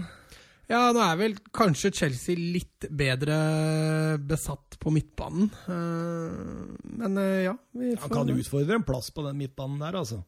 Altså, I den dype rollen så har de jo Jorginho og Kanté, da, så han blir jo Ja, men han kan spille indreløper òg. Ja da, han kan det. Ja, så dermed så lever jo håpet til Milan om Champions League enda. De har jo to veldig enkle kamper igjen. Ja. Så de kommer nok opp på 70 poeng, så får vi se om det holder, da. Ja, altså Neste kamp er jo hjemme mot, uh, mot Frosinon, som allerede har rykka ned. Og så, så avslutter de Spal, ja. Spal borte. Mm. Uh, Spal kan jo selvfølgelig overraske, men, uh, men, Milan er favoritter i begge kampene.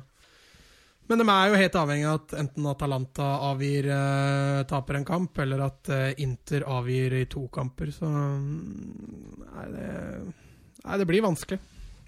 Ja, eh, vi sparer eh, hovedkampen eh, til slutt, og jeg tror vi tar noen eh, lette sjumilssteg videre til Bundesliga, ja. ja. Eh, der eh, står jo Det står jo en gullkamp der, da. Der har vi en gullkamp. en gullkamp som kanskje ikke burde vært en gullkamp, men det kommer vi tilbake til i hovedmatchen vår. Og så går vi rett til Borussia Dortmund, fordi For en kamp. Ja, De hadde fått besøk av Fortuna Düsseldorf, og der, der smalt det. Der smalt det. Det var to lag som eh, begge ville vinne, i hvert fall. Ja, det var en helt uh, fantastisk uh, fotballkamp, og de uh, begge kjørte knallhardt offensivt. men det, det, må, det, går 41 minutter før Borussia Dortmund tar ledelsen. Ja, altså, Hvis du tar lagoppstilling nå, da, så, så, ser du jo det at uh, Sancho blir, uh, blir, spart. Han kommer riktignok inn, men uh, starter på benken. Danske Jakob Brun Larsen får sjansen. Pulisic får, får nok en sjanse.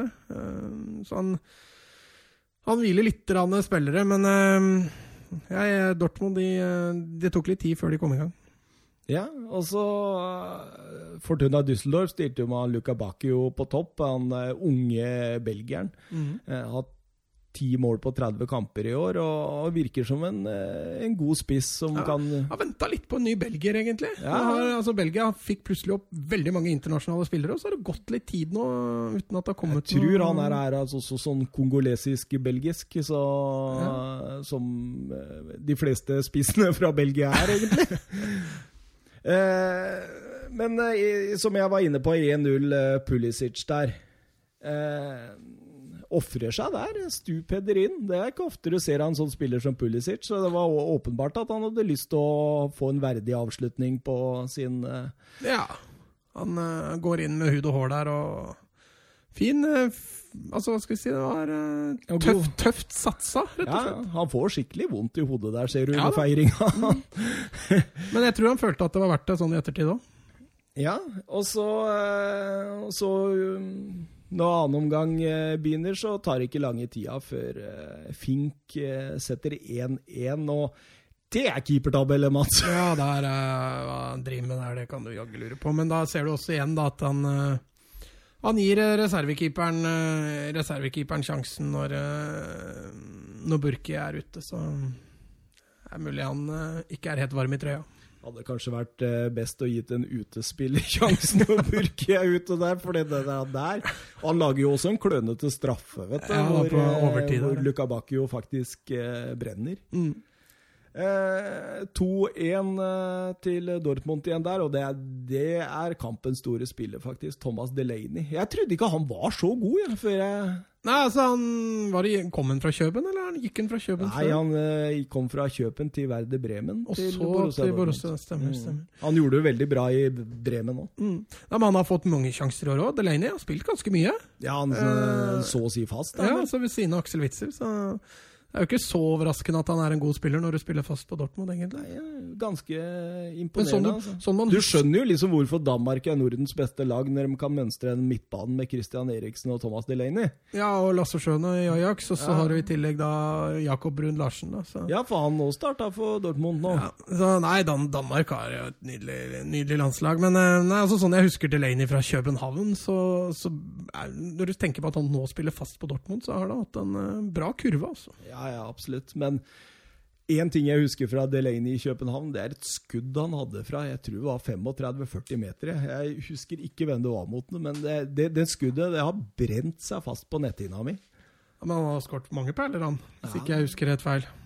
Nei, eh, Kudos til Delaney. Jeg syns han virkelig er en god fotballspiller. Altså, han er en god toveisfotballspiller. Altså, god defensivt og offensivt. Han er, sånn han er en bedre versjon av Lasse Schøne, egentlig. Ja, ja, ja. Mye bedre, egentlig. Så eh, veldig bra kamp og overlegen man of the match i denne kampen her. Ja. Eh, Jaden Sancho, som du var inne på, han ble hvilt, eh, kom inn og eh, gjør vel ikke en fantastisk innhopp, men han eh, får eh, Fortuna Düsseldorf til å bli ti mann. Ja, men det er litt med tilstedeværelsen hans også, da. Når du har hatt en så god sesong, så tar motstanderlaget hensyn med en gang, og det eh, Han, han, han, eh, det var stygg takling, altså. ja, det er fullt fortjent rødt kort. Det er ikke så mye, ikke så mye å diskutere rundt det, egentlig. Han Det bare- der setter eh, knottene rett i kneet, og du ser knottene hans fortsetter ned fra kneet, ned i akilles. Og det, Mm. det, det, er, det er synd at eh, spillere som Jaden Sancho skal bli utsatt for sånne taklinger, fordi det, det er i verste fall karrieretruende, altså. Ja, altså, men, men når, når han er på sitt beste, da, det er jo ikke så andre mulige måter å stoppe ham på, egentlig. Du må jo få tak i ham. Ja, For det er jo enorm fart, ikke sant. Ja, ja. Med ball også. Han løper jo fortere med ball enn uten ball nå. Ja, ja, og på, og på det tidspunktet så leder jo bare Dortmund 2-1, så, så Fortuna øyna vel muligheten til å få, få med seg noe. eh, Men eh, helt, helt fortjent eh, rødt. Og så har vi passert 90 minutter, og da kommer det en nydelig scoring! Han har jo gutse! Åh, Altså, det der, det- det der, der det er, det, Altså, jeg, vi, vi må passe på ikke misbruke det for mye, men fotballpoesi Ja, altså, Gutse har venta litt på. Altså, et- altså, han var så god i Dortmund før han dro til Bayern, og så har han sakte, men sikkert blitt brytet ned i Bayern, både pga. skader, men også fordi han ikke har fått så mye tillit, fikk så mye tillit under Guardiola. Så går han tilbake til Dortmund, og så Altså, han, han treffer jo ikke med en gang i Dortmund. heller. han har brukt lang det er ikke ikke fantastisk sesong, men, men du begynner å se prov Ja, nå, altså Den skåringa der er et uh, godt tegn på at Gutse kan begynne å og han er mer involvert enn Ja, han var før. Og, han, uh, Selvtilliten kommer, og det går lengre mellom skadene. og det er jo en vakker spiller. Ja, ja, Gutse er jo helt nydelig. Han. Altså, husker han på Football Manager.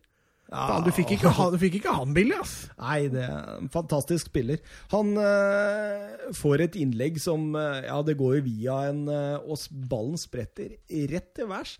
Og måten han tar ned den innafor 16, forserer ved et par steg og bender den tilbake mellom beina på en eh, Fortuna-stopper og inn i lengste. Det er fløte. Ja, det Som jeg sa, vi skal ikke misbruke det for mye, men poesi. Mm. Eh, fantastisk. Kan si fotballfløte. Fotballfløte. Ja. Eh, og etter det så Da slipper egentlig Da kaster eh, Fortuna hansken og stormer med alt i angrep. Ja, altså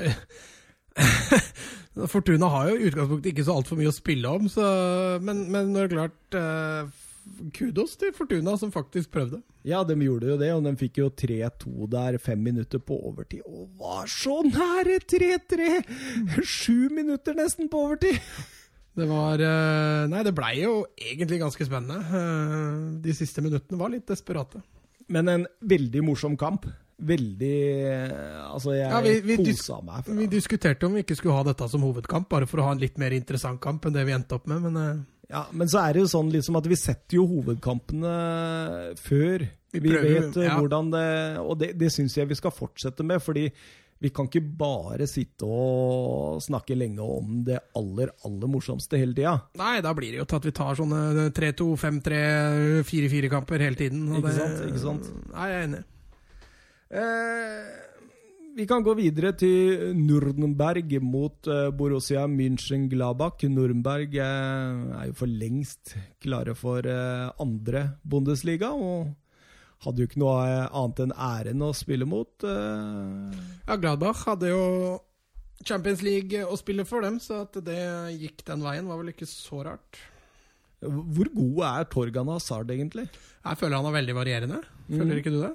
Altså, på sitt beste så, så, er han jo nesten opp mot broren sin. Ja. På sitt dårligste så, så, tror jeg ikke han passer inn i Bundesliga egentlig heller. Jeg opplever at han eh, kan variere veldig spillet spille, spillet sitt. Ja, han eh, Jeg, jeg, jeg syns jo Altså, i denne kampen så var han jo tidvis glitrende.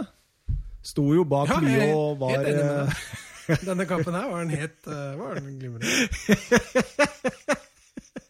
Den sveisen du uh, dro fram etter å ha tatt av deg den hettegenseren her, den var nydelig. Det var meninga å sette deg litt ute. Ja, eh, Nürnberg da, de hadde jo ikke vunnet siden uh, ute i mars, da de var 3-0 mot Augsburg. Eh, kun 19 poeng, ja, bare tre seier og uh, var fortapte, som vi sa. Ja, altså, etter den runden her så ble det jo offisielt at både Hanoffer og Nürnberg rykka ned, så Og Borussia München-Glabach, de eh, Ja, altså, de de sliter jo litt i første omgang. De klarer ikke helt å komme seg gjennom. Eh, eh, Nürnberg lå godt i 4-2-3-1 og satsa på kontringer, men i annen omgang så smeller det. Ja, da, da, starter jo Gladbach. Nå har jeg ikke sett den kampen i sin helhet, men når du ser på når skåringene kom ut, så ja, det var eh, Dermic til 1-0 eh, der for en eh, fin stikker, og tupper ballen og rekker ballen akkurat i forkant av keeper der. Ja. Og eh, ja, det er ikke så mye mer å si om den kampen der, da, for fra 0-1 så er det enveiskjøring og hasard eh. Men Når jeg ser på statistikken i den kampen, der, så er det altså 12 avslutninger til Nürnberg og 16 til Gladbach. Ja, possession, for... possession er, er 48-52. Ja da, ja da. Det, det, det, forundrer meg ikke, men uh, likevel så var det ikke snakk om at Nürnberg skulle true dette. Nei. Absolutt ikke. Det var eh, Du bare satt og venta på Borussia München-Glabachs eh, første, andre og tredje skåring hele veien, egentlig. Det, men den var mye skarpere foran kassa, og eh, selve sjansene de skapte, var eh, mye større sjanser enn det Nürnberg noen gang fikk. Mm. Og så med 4-0-seier der, så fikk eh, Gladbach bedre målforskjell enn Leverkosen. Så fire mål der, det kan fort vise seg å være fornuftig, det. Jeg håper jo litt på Leverkosen. Jeg, jeg er enig med deg. Jeg også sitter litt og håper Leverkosen. Men samtidig, etter det Frankfurt fikk til i, i Europa League òg, så, så, unner jeg dem litt den suksessen nå, da. Det... Men den Frankfurt-formen, Mats Ja, den er, den, er, den er. I, Bundesliga så er de jo helt ute. Men vi kan jo ta for oss eh, videre Bayer Leverkosen mot uh, Schalke. Eh, Eh, før i tida et uh, toppoppgjør. Uh, Schalke i år har snubla og rota seg virkelig ned i, i bunnstriden. Jeg tror med det poenget her nå, så holdt de seg vel? Uh, kan det stemme? Ja, de var klare før den runden her. Ja. Men, men Nei, altså, de har, jo, de har jo plutselig begynt å plukke litt poeng. De bytta jo trener for ikke så altfor mange måneder siden. og Schalke må rett og slett begynne litt på nytt igjen neste år. De har jo fortsatt bra spillere i stallen, så de må, de må bare begynne på nytt. Ja, Leverkosen kom fra fire strake seire, og Peter Bosch, gamle Dortmund og Ajax-treneren, har uh, fått litt fart på det igjen. Ja, nå er de jo A-poeng med Gladbach, som ligger på fjerde, og er uh, to skårte mål bak uh, to skårte mål, to plussmål bak Gladbach. Så. Og vi jeg nevnte vel for to episoder siden at eh, jeg trodde Leverkosen kom til å klare det fordi de hadde så mye bedre form. Mm. Uh, de har fortsatt bedre form enn Gladbach. Så får vi se. Det er én kamp igjen. De har ja. to mål å ta igjen. Jeg, jeg, er jo veldig betatt av de uh, to kantene i den uh, 3-4-3 til Bosch der. Julian Brandt og Kai Havertz. Det er jo ingen Alle som har hørt episoden her, veit at jeg er stor Kai Havertz-fan, og denne kampen her den bare forsterka det, altså. For, for en spiller, altså. Mm, jeg hører du sier det. Å! det er så nydelig. Det er en, en nærteknikk som ja, Litt sånn Øsil på det beste. Nærteknikk. Mm. Og, og en kreativitet. Han kommer inn i boks, han drar av spillere.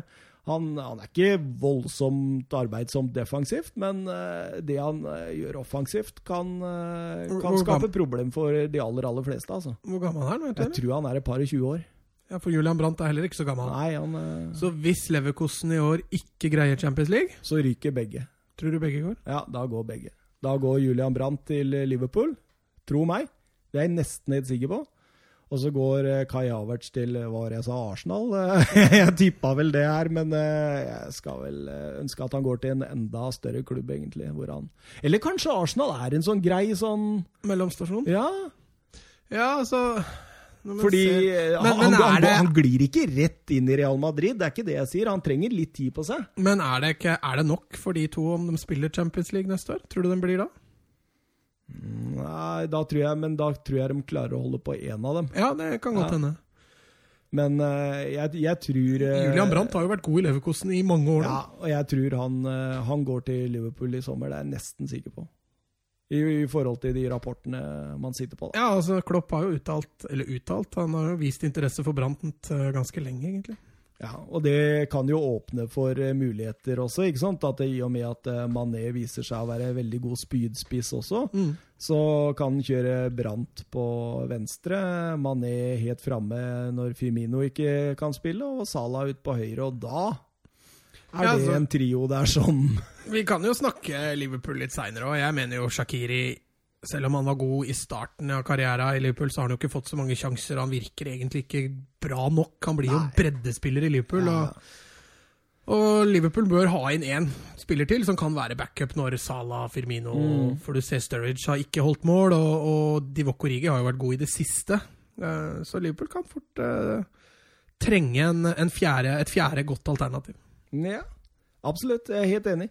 Uh, 31 minutter, 1-0 til eh, Bayer Leverkosen. Kai Havertz eh, får et innlegg fra Julian Brandt. Eh, den går via en Schalke-stopper som prøver å, å, klarere den, men daler jo rett i beina på Brandt, som bare brenner til. Nei, Kai Havertz, som bare brenner til. Og 1-0, og da, da, tenker man nå har Bayer Leverkosen kontroll på denne siste plassen.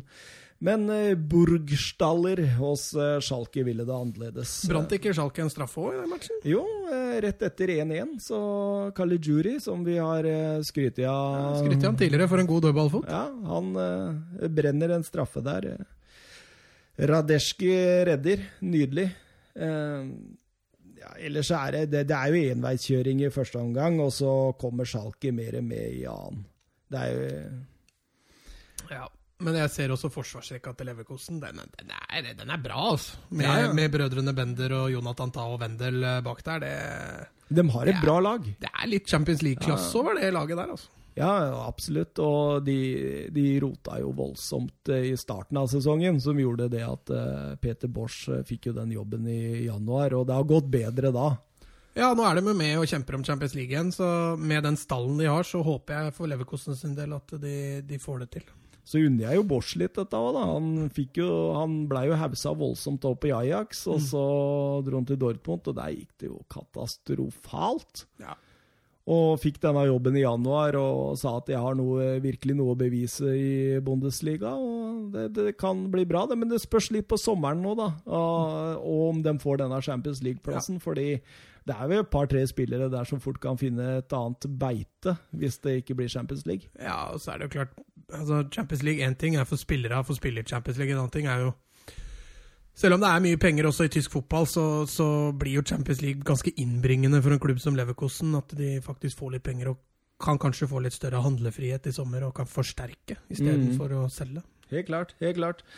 Eh, videre, Eintracht Frankfurt, de eh, før denne før denne runden. Så ja, hva, hva, er det de driver med nå? De, de hadde jo den Champions League-plassen. Jo, så, så skar det seg egentlig litt i den 6-1-smellen. Ja, hvor de skulle spare litt spillere og konsentrerte seg om Europa League. Altså, nå kan de sitte igjen som en stor taper, altså. Ja, for det der, der var jo en sekspoengskamp mot uh, Bayer Leverkosen. Ja, så de, de, gikk jo åpenbart for å spare litt spillere til Europa League. Uh, for å satse på den. Taper stort mot eh, Leverkosen. Ender opp med å tape på straffespark i, i, på Stamford Bridge, og nå ligger de altså på sjetteplass. Er helt avhengig av at uh, Når du ser målforskjellen de har også, så, så, er de helt avhengig av at både Leverkosen og uh, Gladbach taper sine kamper for å klare den fjerdeplassen. Og da blir det en ny sesong da på Europa League på Frankfurt. Tenk dette laget som liksom var hausa opp til de grader, og det, nå skulle man gjøre noe stort noe, liksom. Jovic på topp, og det er liksom Det var nydelig hele veien, og så rykner og rakner det så inn i ja, altså, har, jeg tror de har gjort noen gærne prioriteringer, eh, spesielt nå på slutten, med måten de har håndtert, eh, håndtert inngang til kamper og mm. måten de har satsa kampene på. Uh, og så får de rett og slett bare ta lærdom av det. Så får de håpe at de ikke mister uh, disse toneangivende spillerne sine, som type Jovic og, og Haller og, og, Kostic også, som har vært bra. Ante Rebic. Ja, for, for dette her var sjuende kampen i alle turneringer uten seier på dem. altså. Mm. Så uh, Men målskårer for Mainz, tomålsskårer, det er en gammel kjenning, eller? Ja, gammel ja, Jeg bør ikke avsløre hvor han har spilt tidligere. De skjønner vel det når de hører navnet. Antoniuja.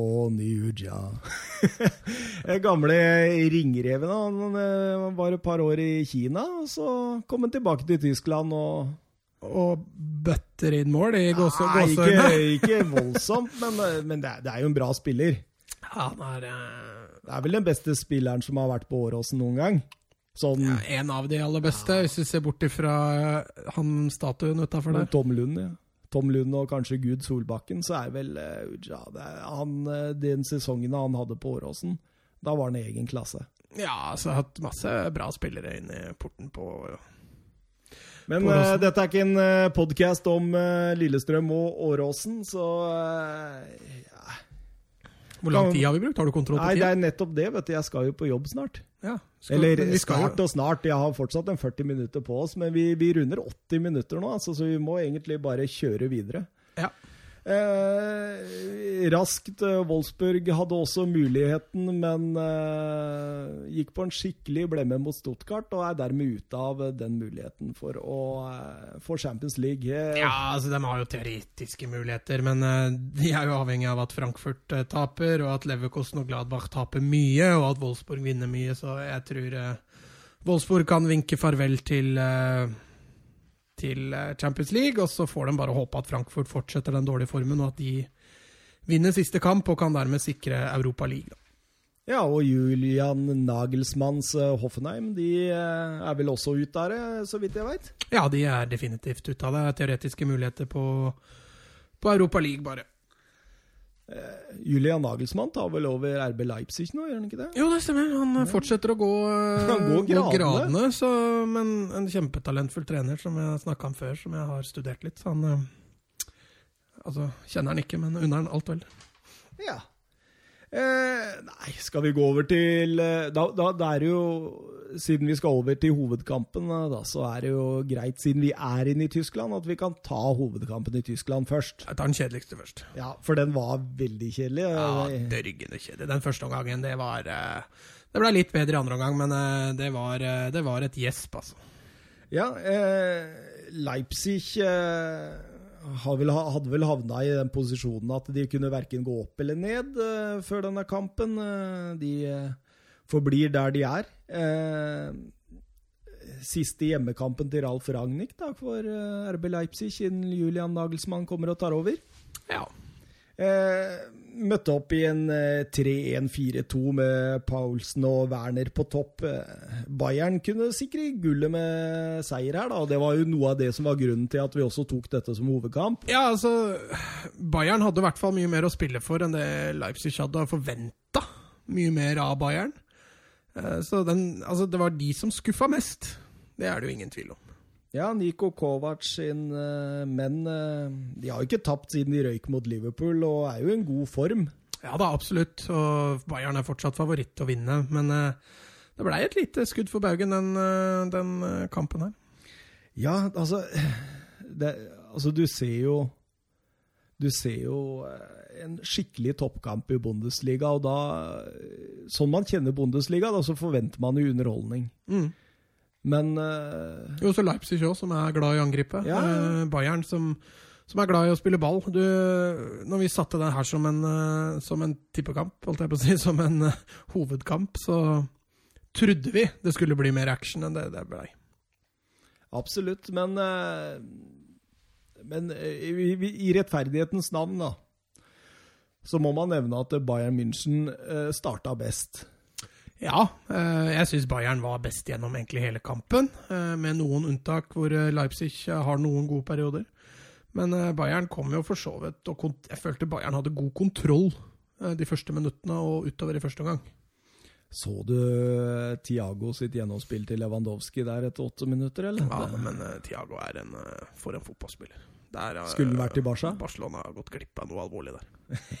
Jeg skjønner ikke hva de tenkte på når de lot han eh, dra, men uh, Lewandowski, som forresten var usikker til kampen, men klarte ja, Han fullførte jo hele matchen òg, så så Ja. usikkert var det vel ikke. Men uh, de trengte vel toppskåreren sin på banen. De gjorde det. Uh, Til ingen nytte. Ja, men han, han var jo Altså, ja, han var brukbar. Han hadde en del Men han, det, jeg syns han var sjelden foran i boksen der han Altså, han rota seg mye ut på høyrekanten og sånn. Ja, altså han er jo Jeg syns Lewandowski i hvert fall i det siste virker ganske bevegelig og er flink til å true andre rom enn det som er rett foran boks. Eh, og når du har en spiller da, som Thomas Müller bak deg, så går jo det an, fordi han er så flink til å fylle på. Ja. I den kampen her så syns jeg Müller blir stående for mye utafor 16. Ja, sant? Og da blir det for få spillere i boks Ja. som truer. Og den første omgangen syns jeg bærer mye preg av det, fordi Bayern er har jo ingen spillere til, som, til, i avslutningsposisjoner. Nei, det er lite mann inne i boks, og det til tross for at de kommer jo Både Gnabry og Koman kommer jo gang på gang ut på kantene der og skaper overtall. Ja da. Og Gnabry og Koman hadde jo for så vidt OK kamper, dem. Eh, Men det hjelper jo ikke det når, eh, når det ikke blir noe etterspill av det. Og så, ja, etter en, eh, en start hvor eh, Bayern München egentlig presser litt på, da, så er det vel egentlig Josef Paulsen som får et par sånne halvsjanser for eh, RB Leipzig på overganger. Ja, altså jeg syns den fronttrioen til Leipzig er veldig spennende. Timo Ja. Werner, Emil Forsberg, Paulsen. Um, og det er spillere som også kan få til litt ting på egen hånd. De er ikke avhengig av at man fyller på sånn voldsomt for å skape overtall og sjanser. Og Paulsen, nok en danske som Ja, han er bra. Han har god fart. eh, Ja. Og, kan, eh, og er, en, er jo en trussel mot Bayern, selv om, selv om de ikke greier å utnytte det så bra i første Og. Forsberg ligger jo litt bak disse to og på en måte skal diktere bevegelser og ball, og det Ja, han hadde ikke, jeg syns ikke Forsberg hadde en så bra kamp. Han blir, han blir litt borte. ja. Eh, spesielt når man møter lag som har såpass mye mer ball enn det Leipzig fikk til i den kampen her. Men etter 30 minutter der da, Mats, da, da viser Lewandowski at eh, han er mer enn en målskårer når han drar seg rundt på høyrekanten der. Ja, men nok en gang har han jo surra seg rundt ute på høyrekanten, da. Ja da, ja da. Men, men eh, for all del, det han gjør der, er jo Altså, det er høy teknisk eh, klasse. hvor gammel er han? 30? Ja, er, Par og 30? Ja. Han har jo viser at han fortsatt har bra tempo i kroppen, og han, han er jo sulten etter å få en scoring der. Men eh, når Lewandowski surrer seg ut på høyrekanten og Bayern ikke fyller opp, så kan han jo drible så mange han gidder ut på kanten der. Ja, denne gangen så får han jo ballen inn, og det er ett løp, og det er Gnabry. Han eh, Kommer inn fra motsatt, ja. Han kommer inn på motsatt der og rekker ballen, og det er en god redning av Gulashi der. Ja da, absolutt. Eh, skal ikke ta fra keeperen noe på den, i hvert fall. Eh, og i denne perioden der, da, så kjører vel eh, Bayern matchen, syns jeg, da. Altså, de er i hvert fall det bedre laget. Ja, det er jeg helt enig med deg. Gjennom egentlig hele første gang så syns jeg Bayern er det beste laget. Det er, de som, det er de som styrer, og det er de som er nærmest å produsere store ting. Ja, og de, de dobler ofte på kant og tvinger eh, kantene til, eh, til eh, RB Leipzig nedover. Ja. Og, og den blir liggende litt dypt til tider. Mm. Så eh, de hadde vel eh, egentlig fortjent dette sånn etter første omgang. At, eh, jeg jeg syns Bayern kunne fint fått 1-0 der, og man hadde ikke tenkt på det som noe veldig urettferdig. Nei. Men eh, om det er noe mestertakter over det, det er en annen sak. Nei, det Jeg tror Leipzig var litt ferdig. Ja, altså, altså Leipzig tror jeg heller ikke gikk med en sånn inngang til den kampen at gutter, her skal vi gå ut og underholde, her skal vi ha det gøy. Vi prøver å gjøre livet litt vanskelig for Bayern, og så tar vi det litt derfra.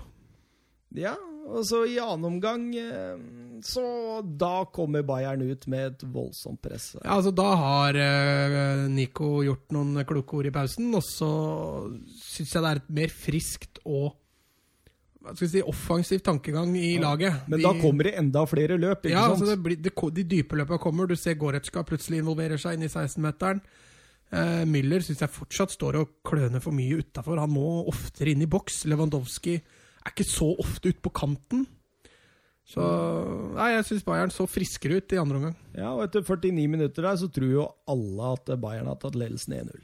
Ja, der måtte det en del repriser til, altså, for du så hva Nå er jo VAR i Bundesliga òg, så vi måtte jo bare stole på det, men det var ikke lett å se, altså. Ja, men du, er ikke Er ikke VAR Skal ikke de inn, inn i clear errors? Jo, men Altså, her snakker har- vi om 3,4 millimeter offside. Jo, men altså Offside og, og baller som er over linja, der er det jo Der er det jo alltid VAR inne og sjekker. Jeg, bare leste Oli Hønes der han eh, Ja, det kalte, kalte det 'joke of a year', faktisk, i avisene. om Ja, men han eh, heier jo på Bayern, så Han gjør vel det siden han er presidenten ja, der. han, eh, du, ikke, du hører vel ikke presidenten i Leipzig si det samme, så Men selve situasjonen, da, så er det at uh, ballen havner jo ute hos uh, Koman, som legger den inn. Uh, en fryktelig klarering fra ellers veldig gode Kanote der. mm.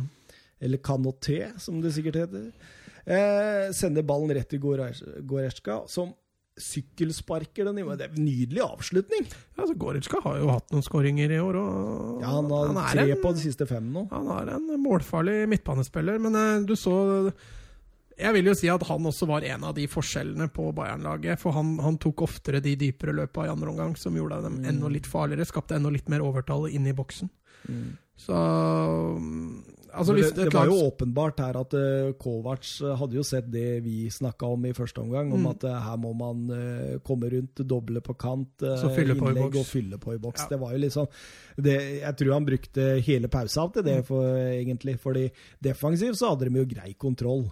Ja, altså i første omgang, og, og for så vidt deler andre omgang, så hadde de jo det. Så det var eh, mangelen på det å fylle opp i boks og, og iveren etter å få mål. Men eh, Ja, men likevel, eh, selv om de har en god 10-15-minuttersperiode der i annen omgang, så, så detter det litt igjen, syns jeg. Ja, det virka som når Bayern ikke fikk det til på det forsøket de hadde, så tenkte de ja, det er greit, vi har en matchball til. Vi tar 0-0. Ja, det, uh, og Leipzig produserte jo jaggu var jaggu ikke langt unna der at de røva hele greia. Nei, absolutt ikke. Leipzig hadde Det er litt sånn farlig tankegang. Bayern var ikke så overlegne at de kan slippe seg ned 10 altså. Nei, absolutt ikke. Uh, jeg tenker jo det var Kovac han fyller jo på med Riberi og Robben etter hvert òg. Det var, Ja, nå er var jo hyggelig å se. Ja, nå er jo Robbery ferdig, eh, Ja. Bayern. Så de spiller vel sin siste kamp mot Frankfurt eh, neste helg. Ja. Så det, og hvis Bayern vinner, så tar Riberi Ribéry sitt var det åttende eller niende seriegull. Ja. Og blir dermed den mestvinnende spilleren i Bundesliga sin eh, historie. ja, og apropos Riberi, så kunne jo blitt matchvinner òg etter 82 minutter der. Ja, men altså, jeg syns Ribéry var frisk, jeg. Eh, han er fem, 35 år nå, er han det? Mm. Eh, kommer inn der og vil, vil vinne dette. Han utfordrer én mot én så fort han får muligheten. og Det sender jo et signal også til resten at kom igjen da, gutta, vi er ikke Ja. ferdig. Ja, det er et hælspark der som Gulashi nok en gang er nede på, og hindrer, eh, hindrer scoring. Mm. Robben eh, sitt inn- innhopp kommer vel helt på slutten, så han får jo ikke noe særlig tid til men det var jo vakkert. Jeg, jeg, det var, altså, jeg er jo ikke verdens største Robben-fan. Jeg syns han har liksom vært litt sånn eh, Som overspiller og filmer litt og litt sånn eh, Mm. Det, det er ikke helt min gate. Men samtidig, Robben på det beste har jo vært fantastisk. Ja, altså, det er så rart, for han fikk jo ikke noe tid på seg i Chelsea. Han fikk ikke noe særlig tid på seg i Real Madrid. Og, men allikevel så leverte han jo gode kamper i begge de to klubbene. Ja, Det er først i Bayern hvor han fikk, ja, veldig, veldig bra. fikk, fikk muligheten over tid, og han har jo vist at det, det har det vært, verdt, rett og slett. Han eh, kommer vel inn der på Hvem er det som slår det frisparket? Lewandowski, som skyter det frisparket rett utafor. Ja, det i 88 minutter, ja. Mm. Ja, det, men, men hva driver Gulashi på der? For Ja, det er der- surreal, altså. Ja, fordi han setter opp muren, og så tar han et steg inn bak muren, som gjør at, han, altså at Lewandowski ikke setter den, er jo egentlig ganske dårlig. Ja, altså Nå ser vel ikke Lewandowski at han tar det skrittet inn til sida, men hvis, hvis den hadde gått inn, så hadde det jo vært en Ja, det karakteriserte som en keepertabbe. Ja, absolutt. En Det er ellers keep- bra Gulashi i Ja. den kampen der. Så flaks for han at den strøk stanga på riktig side. Ja, eh, dermed ebber det ut eh, 0-0. Eh, så ikke ut som noen av laga var sånn eh, voldsomt eh, triste over det. Bayern føler vel fortsatt at de har ganske grei kontroll på dette, og Leipzig de, som sagt kunne de ikke gå verken opp eller ned, så Nei, Bayern, de, altså med tanke på målforskjell der, så, så holder det jo faktisk antageligvis da med Men de møter Frankfurt i siste. Ja, altså Nå, nå ser jeg at jeg blingsa på målforskjellen der, da, fordi eh, det er bare to mål pluss eh, riktig for eh, Bayern. Men ja, de møter en Det kan bli en tøff Tenk hvis Frankfurt går inn i dette med alt nå og vinner den kampen på Allianz. Ja, det er ikke helt umulig. Jeg, jeg føler ikke Altså Egentlig så var jeg litt mer sikker på at City tok seriegull for to runder siden, enn det jeg er på at Bayern Ja, tar det nå. Og der fikk vi jo rett med City, men, eh, men eh, skal eh, hva, Du som er litt sånn god på prosenter og sånt, hva tenker du? Jeg holder Bayern egentlig som en ganske klar favoritt, men jeg var vel på rundt 90% når jeg tippa City, og nå jeg ligger på rundt 80 på Bayern. Altså. Ja, ja. Ja, men det, det kan jeg egentlig De er jo solide, solide favoritter. Altså Hvis Bayern spiller uavgjort, så må, så må Dortmund vinne med tre Mm. uh, for, å, for å gå forbi. Uh, og Dortmund møter jo Gladbach borte, så det blir jo ikke noe Det blir Nei. ikke noe enkel sak, det heller. Nei, uh, skal vi ta fantasypoenga til slutt? Ja, det var ikke så lett denne gangen.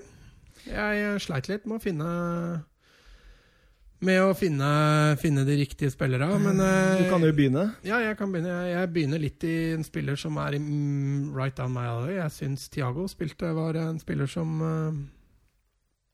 Så han får tre? Jeg gir han tre stjerner. Oi, oi, oi. Han, eh, Vi har så forskjellig liste. Ja, altså, altså, litt av grunnen da, til at jeg, Han er ikke på min engang. at jeg lander på Thiago, er det at han, han, han er litt Altså, han er litt underholdende å se på, da.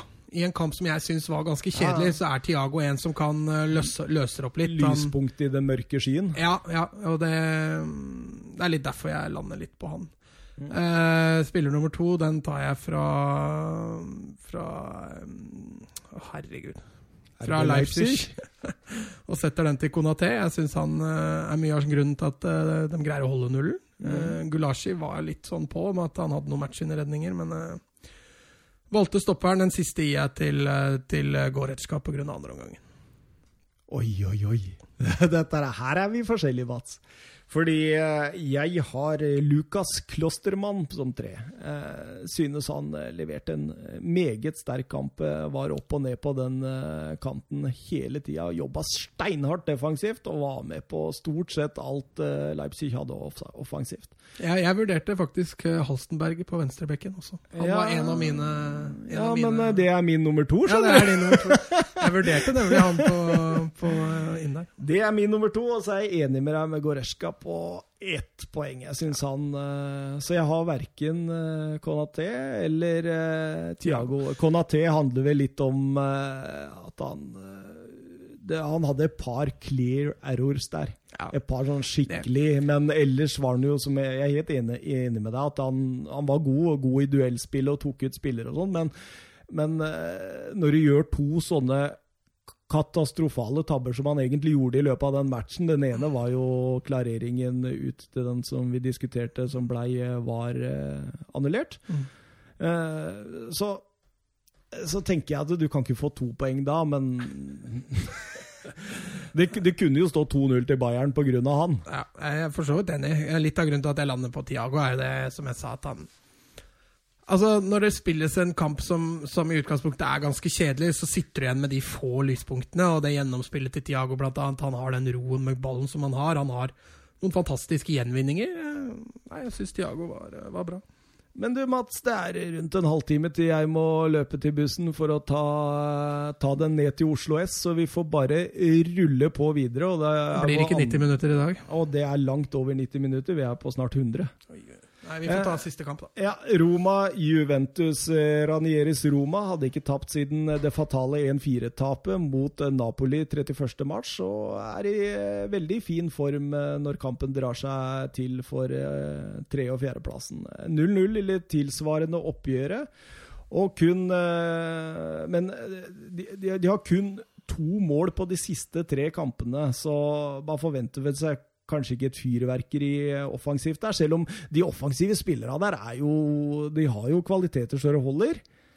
Ja, altså Juventus mangla jo riktignok Manzukic, men uh, offensivt så stilte jo begge laga ganske, ganske krutt. Ja, Ranieri opp i en uh, 4-3-3 med en Sonsi dypt og Sharawi og Kluivert på hver sin side av Seko. Mm. Eh, Allegri mønstret også et egentlig kruttsterkt 4-3-3. Dybala fikk sjansen imellom, imellom Ronaldo og Codrado der, i en treer framme. Juventus kom fra 1-1 mot eh, Torino sist helg, og har ikke tapt en kamp siden de røyk ut mot Ajax i Champions League. Nei, nå, altså, altså Inngangen i den kampen her, hvis du ser de forrige kampene, Juventus ser jo helt don ut. Altså, De redder et poeng mot Inter pga. en god genistrekk genistrek fra Allegri. De, eh, de, redder et poeng mot uh, Torino etter at de, de ser jo Det så ikke så bra ut heller. Og her taper de 2-0. Eh, eh, ikke så fortjent at de taper når man har sett kampen, for eh, Roma skapte ikke så veldig mye, og Juventus de var tidvis farlige. Ronaldo starta kampen bra. Ja, starta egentlig veldig bra. Og så havna han i noen tumulter i tidlig andre omgang der, og etter det så ble han jo ganske usynlig. Ja, absolutt. Men etter 16 minutter der, når han fører ballen oppover venstre der og møter på Fasio og spiller ballen Ja, den, er, den er så fin, den. Mm.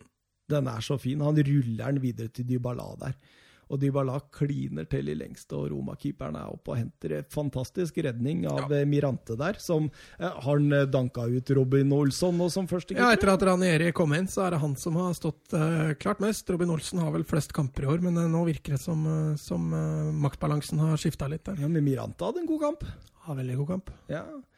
Eh, men jeg, jeg kan, vi kan jo ta litt den angrepsrekka til Juventus, for du Altså, de gikk nok ut i 4-3-3, eh, men Dybala og Ronaldo, de vandrer mye. ekstremt mye. Mm. Det var ikke opplagt at Ronaldo spilte venstrekant, for han var like mye på midten, og han var også litt ofte på høyre. Og det var ikke noe sånn at Dybala spilte sentralt, for han Nei, plutselig var han på høyrekanten og venstrekanten. Ja, da, den, den eneste i fronttrioen der som holdt posisjonen sin, det var jo Cuadrado. Ja, og han var dårlig. Han var ikke noe spesielt oh. god. Eh, og Matuidi, som konsekvens av det, så mm. måtte mm. han veldig ofte skyve ut venstre. Ja. Så innimellom så, så det like mye ut som en 4-4-2 som en 4-3-3, den ja, ja. Eh, formasjonen der. Men utgangspunktet var 4-3-3? Jeg tror også at Ronaldo hadde utgangspunkt mm. som venstrekant, og Dybala skulle vandre i midten. Ja, helt klart. Helt klart. Eh, men eh, Dybala, jeg syns han var god, jeg. Ja. Dybala var tidvis bra. Han hadde jo en assist som var uh, annullerte der, og Han treffer vel stolpen der via keeper. Det, ja, en fantastisk redning, det òg. merkelig situasjon, men det hadde vel kanskje blitt offside hvis det hadde blitt mål. Jeg vet ikke. Ja, nå kom de jo aldri dit. Eller så kan de også ta Sanjolo på, på, Roma. Han er jo, i mine øyne i hvert fall, kanskje best som en tier bak ja. spissen. Mm. I dag fikk han jo mye mer defensivt ansvar når han skulle spille indreløper. Mm. Uh, altså Offensivt så er han jo fortsatt uh, brukbar, og du ser at det bor mye i den unggutten, men defensivt så Han bryter ikke så altfor ofte, han, uh, han, virker litt mer nervøs i den rollen som han hadde der. Ja, han ble linka til Tottenham i går. En overgang som Gazella del Sport sa skulle være på en pakke på 410 millioner norske kroner. Ja, altså, nå, nå, husker jeg ikke hvem de bytta der, men Roma fikk jo han utrolig billig i en eller annen byttehandel. Ja, det var ikke Angola. Var det Nangola, ja. Med Inter. Sånn var det, mm. stemmer det. At uh, Zaniolo kom fra Inter. Det var liksom bare sånn add-ons? Liksom. Ja, det var nesten det. Ja, ja. Så der gjorde Roma en kjempeavtale, og de kan jo vise seg å bli uh, verdt uh, mye penger. Ja, men kampen, da, så, så, Juventus starter jo best, men det jevner seg litt utover i første omgang der? Ja, Juventus har jo mye ball generelt i kampen. så skaper jo Roma Altså, De har jo Cloyfert og El Sharawi på kantene. Ja, og du, du skrøt litt av Cloyfert her, men jeg syns han er rotete, altså. Ja. I dag surra han, og du så at selvtilliten forsvant ja. rimelig kjapt. Jeg, men uh, El Sharawi var frisk. Jeg tror ikke Cloyfert blir, uh, blir en uh, spiller på det øverste nivået. Altså det altså, aller, aller øverste nivået, da. Men jeg sa jo også det, nå hadde jo ikke vi noen podkast da, men at han dro fra Ajax for tidlig. I hvert fall når du ser åssen det har gått med Ajax nå. Ja, jeg syns det er lite end product, da. Mm. Så det, minner meg litt sånn Aaron Lennon Light-opplegg. Litt sånn Theo Walcott. eh, Det går ikke noe Ja. lenger, på en måte. Altså I forhold til fart og sånne ting, så ser jeg sammenligninga, men uh, i forhold til ferdigheter, så syns jeg Cloyford har bedre ferdigheter. Man dribler jo bakover hele tida. Jo, jo, men Han tar med seg ballen i kjempetempo, og så møter han en spiller, og så går han bakover. Er, Nei, men han har vært bra i enkelte kamper i år, altså. Så ja. skal ikke felle en dom etter én kamp. Ja, absolutt. Um, men eh, det ebber jo ut med 0-0 etter første omgang der, og, da vurderte jeg om jeg gadd å se annen omgang, egentlig. Ja, det var en litt kjedelig, kjedelig førsteomgang. Roma lå kontrollerte bak. De, de var ikke så interessert i å ha ballen og skape så mye. Juventus de, de ønska jo å ha ball og trilla ball, og, men ingen av laga skapte noe sånn voldsomt mange store sjanser. Etter 64 minutter der så tror Ronaldo han har satt 1-0. Ja, det var jo det jeg nevnte. Det var fint gjennomspill av Dybala, men Ronaldo er rett og slett for utålmodig der. Han stikker for tidlig. Mm. Så jo, Veldig, veldig sånn eh, I don't care når det blei Jo, men det, altså, Du så litt holdning av Ronaldo utover andre omgang når han krangler litt med Florenzi der òg. At eh, ja, nei, du er for kort til at jeg gidder å prate med deg, liksom. Ja, Og så sånn- når den diskusjonen er ferdig, så er det liksom ja, kyss, klapp og klem etterpå. Altså, han var i veldig godt humør, da, men det virka ikke som han hadde fokuset sitt på rett sted. Nei, jeg tror han bare har lyst til å fullføre nå. Ja, det er ikke noe mer å spille om for Juventus. De må jo bare fullføre sesongen. Da. Ja, Rett etterpå så får jo også Emre Can en mulighet der. Dybala spiller fram Can, som kommer litt skrått på, setter ballen rett på Mirante. Ja, da var det også et godt alternativ foran mål, hvis Ja, han hadde fått opp blikket Ja. sitt. Absolutt. Emre Can, som egentlig hadde en bra match. Han, Ja, han var vel sikkert ute etter å bevise noe. Han har vel ikke vært helt eh, fast. Nei, han har vært mye inn og, ut av, inn og ut av laget. Han har jo mange gode konkurrenter å kjempe mot der, men når Sami Kedira er ute med skade, så åpner det muligheter. Ja. Så eh, 79 minutter. eh, 1-0 Herlig skåring. til Roma. Ja. Ja, nydelig. Altså, det er ikke så ofte du ser høyrebekkene Cengiz Under hadde kommet inn og vant en eh, ball der. Ja, så Tsjekko med herlig gjennomspill. Altså Florenzi chippekeeperen. Ja. eh, Florenzi Husker du målet han hadde mot Barcelona i Champions League for noen år siden? forresten? Ja, det var ikke helt samme type mål, men Nei, det, men jeg bare tenker på i forhold til fine mål. da. Nei, han, eh, men jeg syns Florenzi i den andre omgangen er en av de bedre. Han eh, kriger bra, vil gå foran, han vil Ja. spille Champions League neste år. Tar Ja, kapteinansvaret ja, sitt. han gjør det, og så den skåringa bare kroner jo egentlig en veldig god andreomgang fra hans eh, side. Og da er, da er Juventus ferdig. Ja, man skulle jo, altså, Du så jo mot Inter når de havna under, så gjorde Allegri et bytte, og så var det Ja. ganske genialt. Eh, I dag mangla det. Ja. Eh, De fikk ikke tilbake noe som helst av momentum, ingenting. Og Roma fikk rett og slett mer energi. ja, de gjorde det, og kontrollerte vel egentlig matchen utover der. Hadde, ikke, hadde god kontroll på defensivt og storma i angrep når de fikk sjansen til det. Ja, de avslutta jo kampen også med, med noe sånt, ja. Ja, fordi to minutter på overtid så er det Edin Dzeko som får eh, et ganske fortjent mål, for han var ganske bra. Ja, Tsjekko var, eh, var toneangivende offensivt for, for Roma. Men du husker jo Ranieri spillestil i Leicester. Han ønsket jo gjenskape litt, så han spiller jo med kjappe kanter, men eh, i bakrom er jo håpløst. Ja, Så Det er ikke noe Wardy. Nei, det er ikke noe Wardy, så han trenger eh, Han trenger støtte for å kjøre de kontringene som han styrte, styrte med i Leicester. Og Nei, det mislyktes egentlig veldig mye på kontringer, helt fram til de tok ledelsen. Da fikk de mye rom å kontre. Og da, er, eh, da kommer Cengiz Under til sin rett. Ja, han hadde et bra innhopp Ja, han hadde et nydelig innhopp, og der tar med seg ballen en 50-60 meter før han spiller eh, fri Seko. Mm. Det var eh, nydelig fremspill. Nydelig. eh, har ikke kjangs til å redde den, og eh, Tsjeko setter 2-0, og Roma Det, var en, eh, det ble til slutt en jevn kamp. At Roma stakk av med seieren der, var fordi de satte sjansene sine, og Juventus bomma på sine. Så Helt klart, for Juve har jo ballen vesentlig mer i løpet av matchen. ja, ja, ja. Og så fram til Roma begynner å skåre der, så er det jo Juventus som også har skapt de største sjansene. Så Men, Men, men, eh, men, eh, Allegri han begynner jo å få en del eh, kritikk innad i Juventus nå, og Juventus-fansen, pga. at han liksom Altså, det er et aldrende fotballag, og det er Nå hadde han massevis av talent på benken, ja. og han bruker den ikke selv i en sånn kamp. Nei, altså, altså synes jeg det er litt altså Hvis du ser på Zidane da, i Real Madrid, som nå bruker tida til å eksperimentere og teste ut ting, så virker eh, Allegri vegra mot å gjøre det. Han kjører gamle, samme vante både oppstillinger av de spillere han kan bruke, og, og taktikken er mye av det samme. For burde ikke Bentakor f.eks. starta denne matchen? Jo, han burde i hvert fall fått eh, tillit til tidligere enn det han gjorde. Ja. Altså, nå er jo Pjanic en, eh, en av de beste spillere, beste playmakere i verden i mine øyne, men uh, Bentancour eh, Så er det visst en Kastanic de har veldig stor tro på der. Jeg har aldri sett, faktisk. Nei, det, jeg har bare lest om det, skjønner du. At det var eh, litt sånn murring blant supporterne for at de ikke fikk sett disse spillerne i løpet av matchen. Altså var en, de nevnte vel et par-tre spillere. Pereira var vel en, og en uh, Caviglio. Ja, altså, altså Eller Caviglia, er det vel han heter. Det mangla jo Moise Kane i den matchen òg, men de bytta jo inn på Sandro og Cancelo på slutten der, da de trengte mål. Altså du setter inn to wingbacker når, Mm. når du trenger mål. Da. Ja, Det kan jo tolkes uh, forskjellige retninger, men det hjalp jo ikke én puck. Hvertfall. Men du, Mats, jeg skal snart på jobb. Jeg skal vi gi fantasypoeng. Ja, Det kan vi gjøre. Jeg gir de tre til Mirante. Mm. Keeperen til Roma holder dem inne i første omgang der. Ja. Par fantastiske redninger. Jeg gir uh, Dospo Tospoa til, uh, til Nsonsi. Jeg syns han eier midtbanen til Roma. Mm. Og er, eh, han dekker mye rom, vinner masse baller. God igangsetning. Mister jo ikke ballen. Jeg tror ikke han mista den eneste. Jo, han mista den én gang, i hvert fall. Yeah. Uh, og det siste poenget gir jeg til eh, Spinazzola. Han eh, var et av de friskere offensive bidragene til Juventus. ja, jeg har faktisk tre Roma-spillere. Jeg har uh, tre poeng til Ensonsi, av samme grunner som deg. Mm. Litt artig, siden vi ikke har snakka Ensonsi i det hele tatt engang. Så er det tydelig at vi var imponerte begge to. Mhm. Eh, to poeng til Edin Dzeko. Eh, så har jo en assist og et mål og fungerer bra og holder godt på ball. og eh, Gjør en god kamp, rett og slett. Er en trussel da, i, inne i boks. Mm.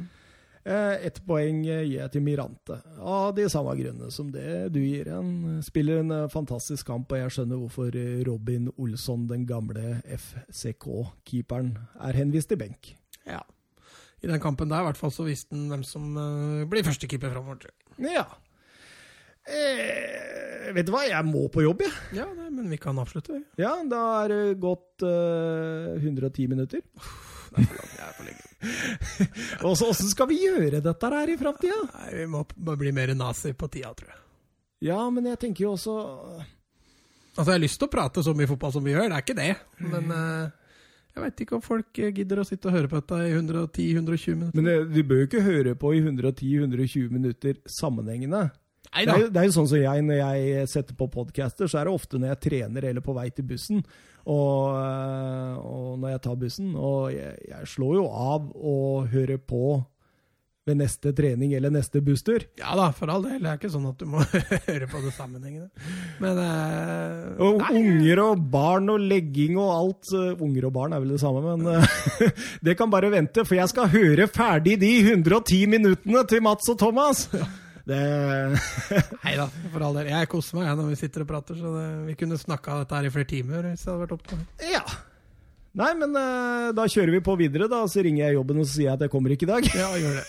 Du får hoste litt. Neste gang Det blir vel i løpet av eh, neste uke en gang, tenker jeg. Ja. Da er det jo ikke noe med Premier League, men det er vel en FA Cup-finale, kanskje. Så er det jo avslutning i Bundesliga, og så er det avslutning i La Liga. Ja, Og det er litt mindre lag å forholde seg til òg, for det er noen som er eliminert i forhold til spenning her. Mm, men Så eh, Serie A kanskje, kanskje vi klarer å holde 90 minutter da? Kanskje. Serie A, der er det jo fortsatt to kamper igjen. Ja. Nei, Det blir spennende. Vi får eh, stikke hodene sammen og finne ut av hva som blir hovedkamper og sånt. Og så eh, får vi rett og slett bare runde av. Si eh, takk til alle de som eh, fortsatt henger med. Dere får, Tror det er mange? Ja. Fire? Fem? Hva er de, da, som uh, har avslutta og begynt på nytt igjen? Og så Og fortsatt jeg, å jeg elsker det. Avslutt og begynn på nytt. Ja. det bør ikke høre alt på en gang. Eh, da stikker jeg på jobben, ja, Mats. Hva skal du gjøre? Jeg skal eh, rydde gangen og gå tur med bikkja. Ja. Leo! Roper på den, du. Nei, det begynner å bjeffe. Og det blir siste ordet. Ha det bra! Jeg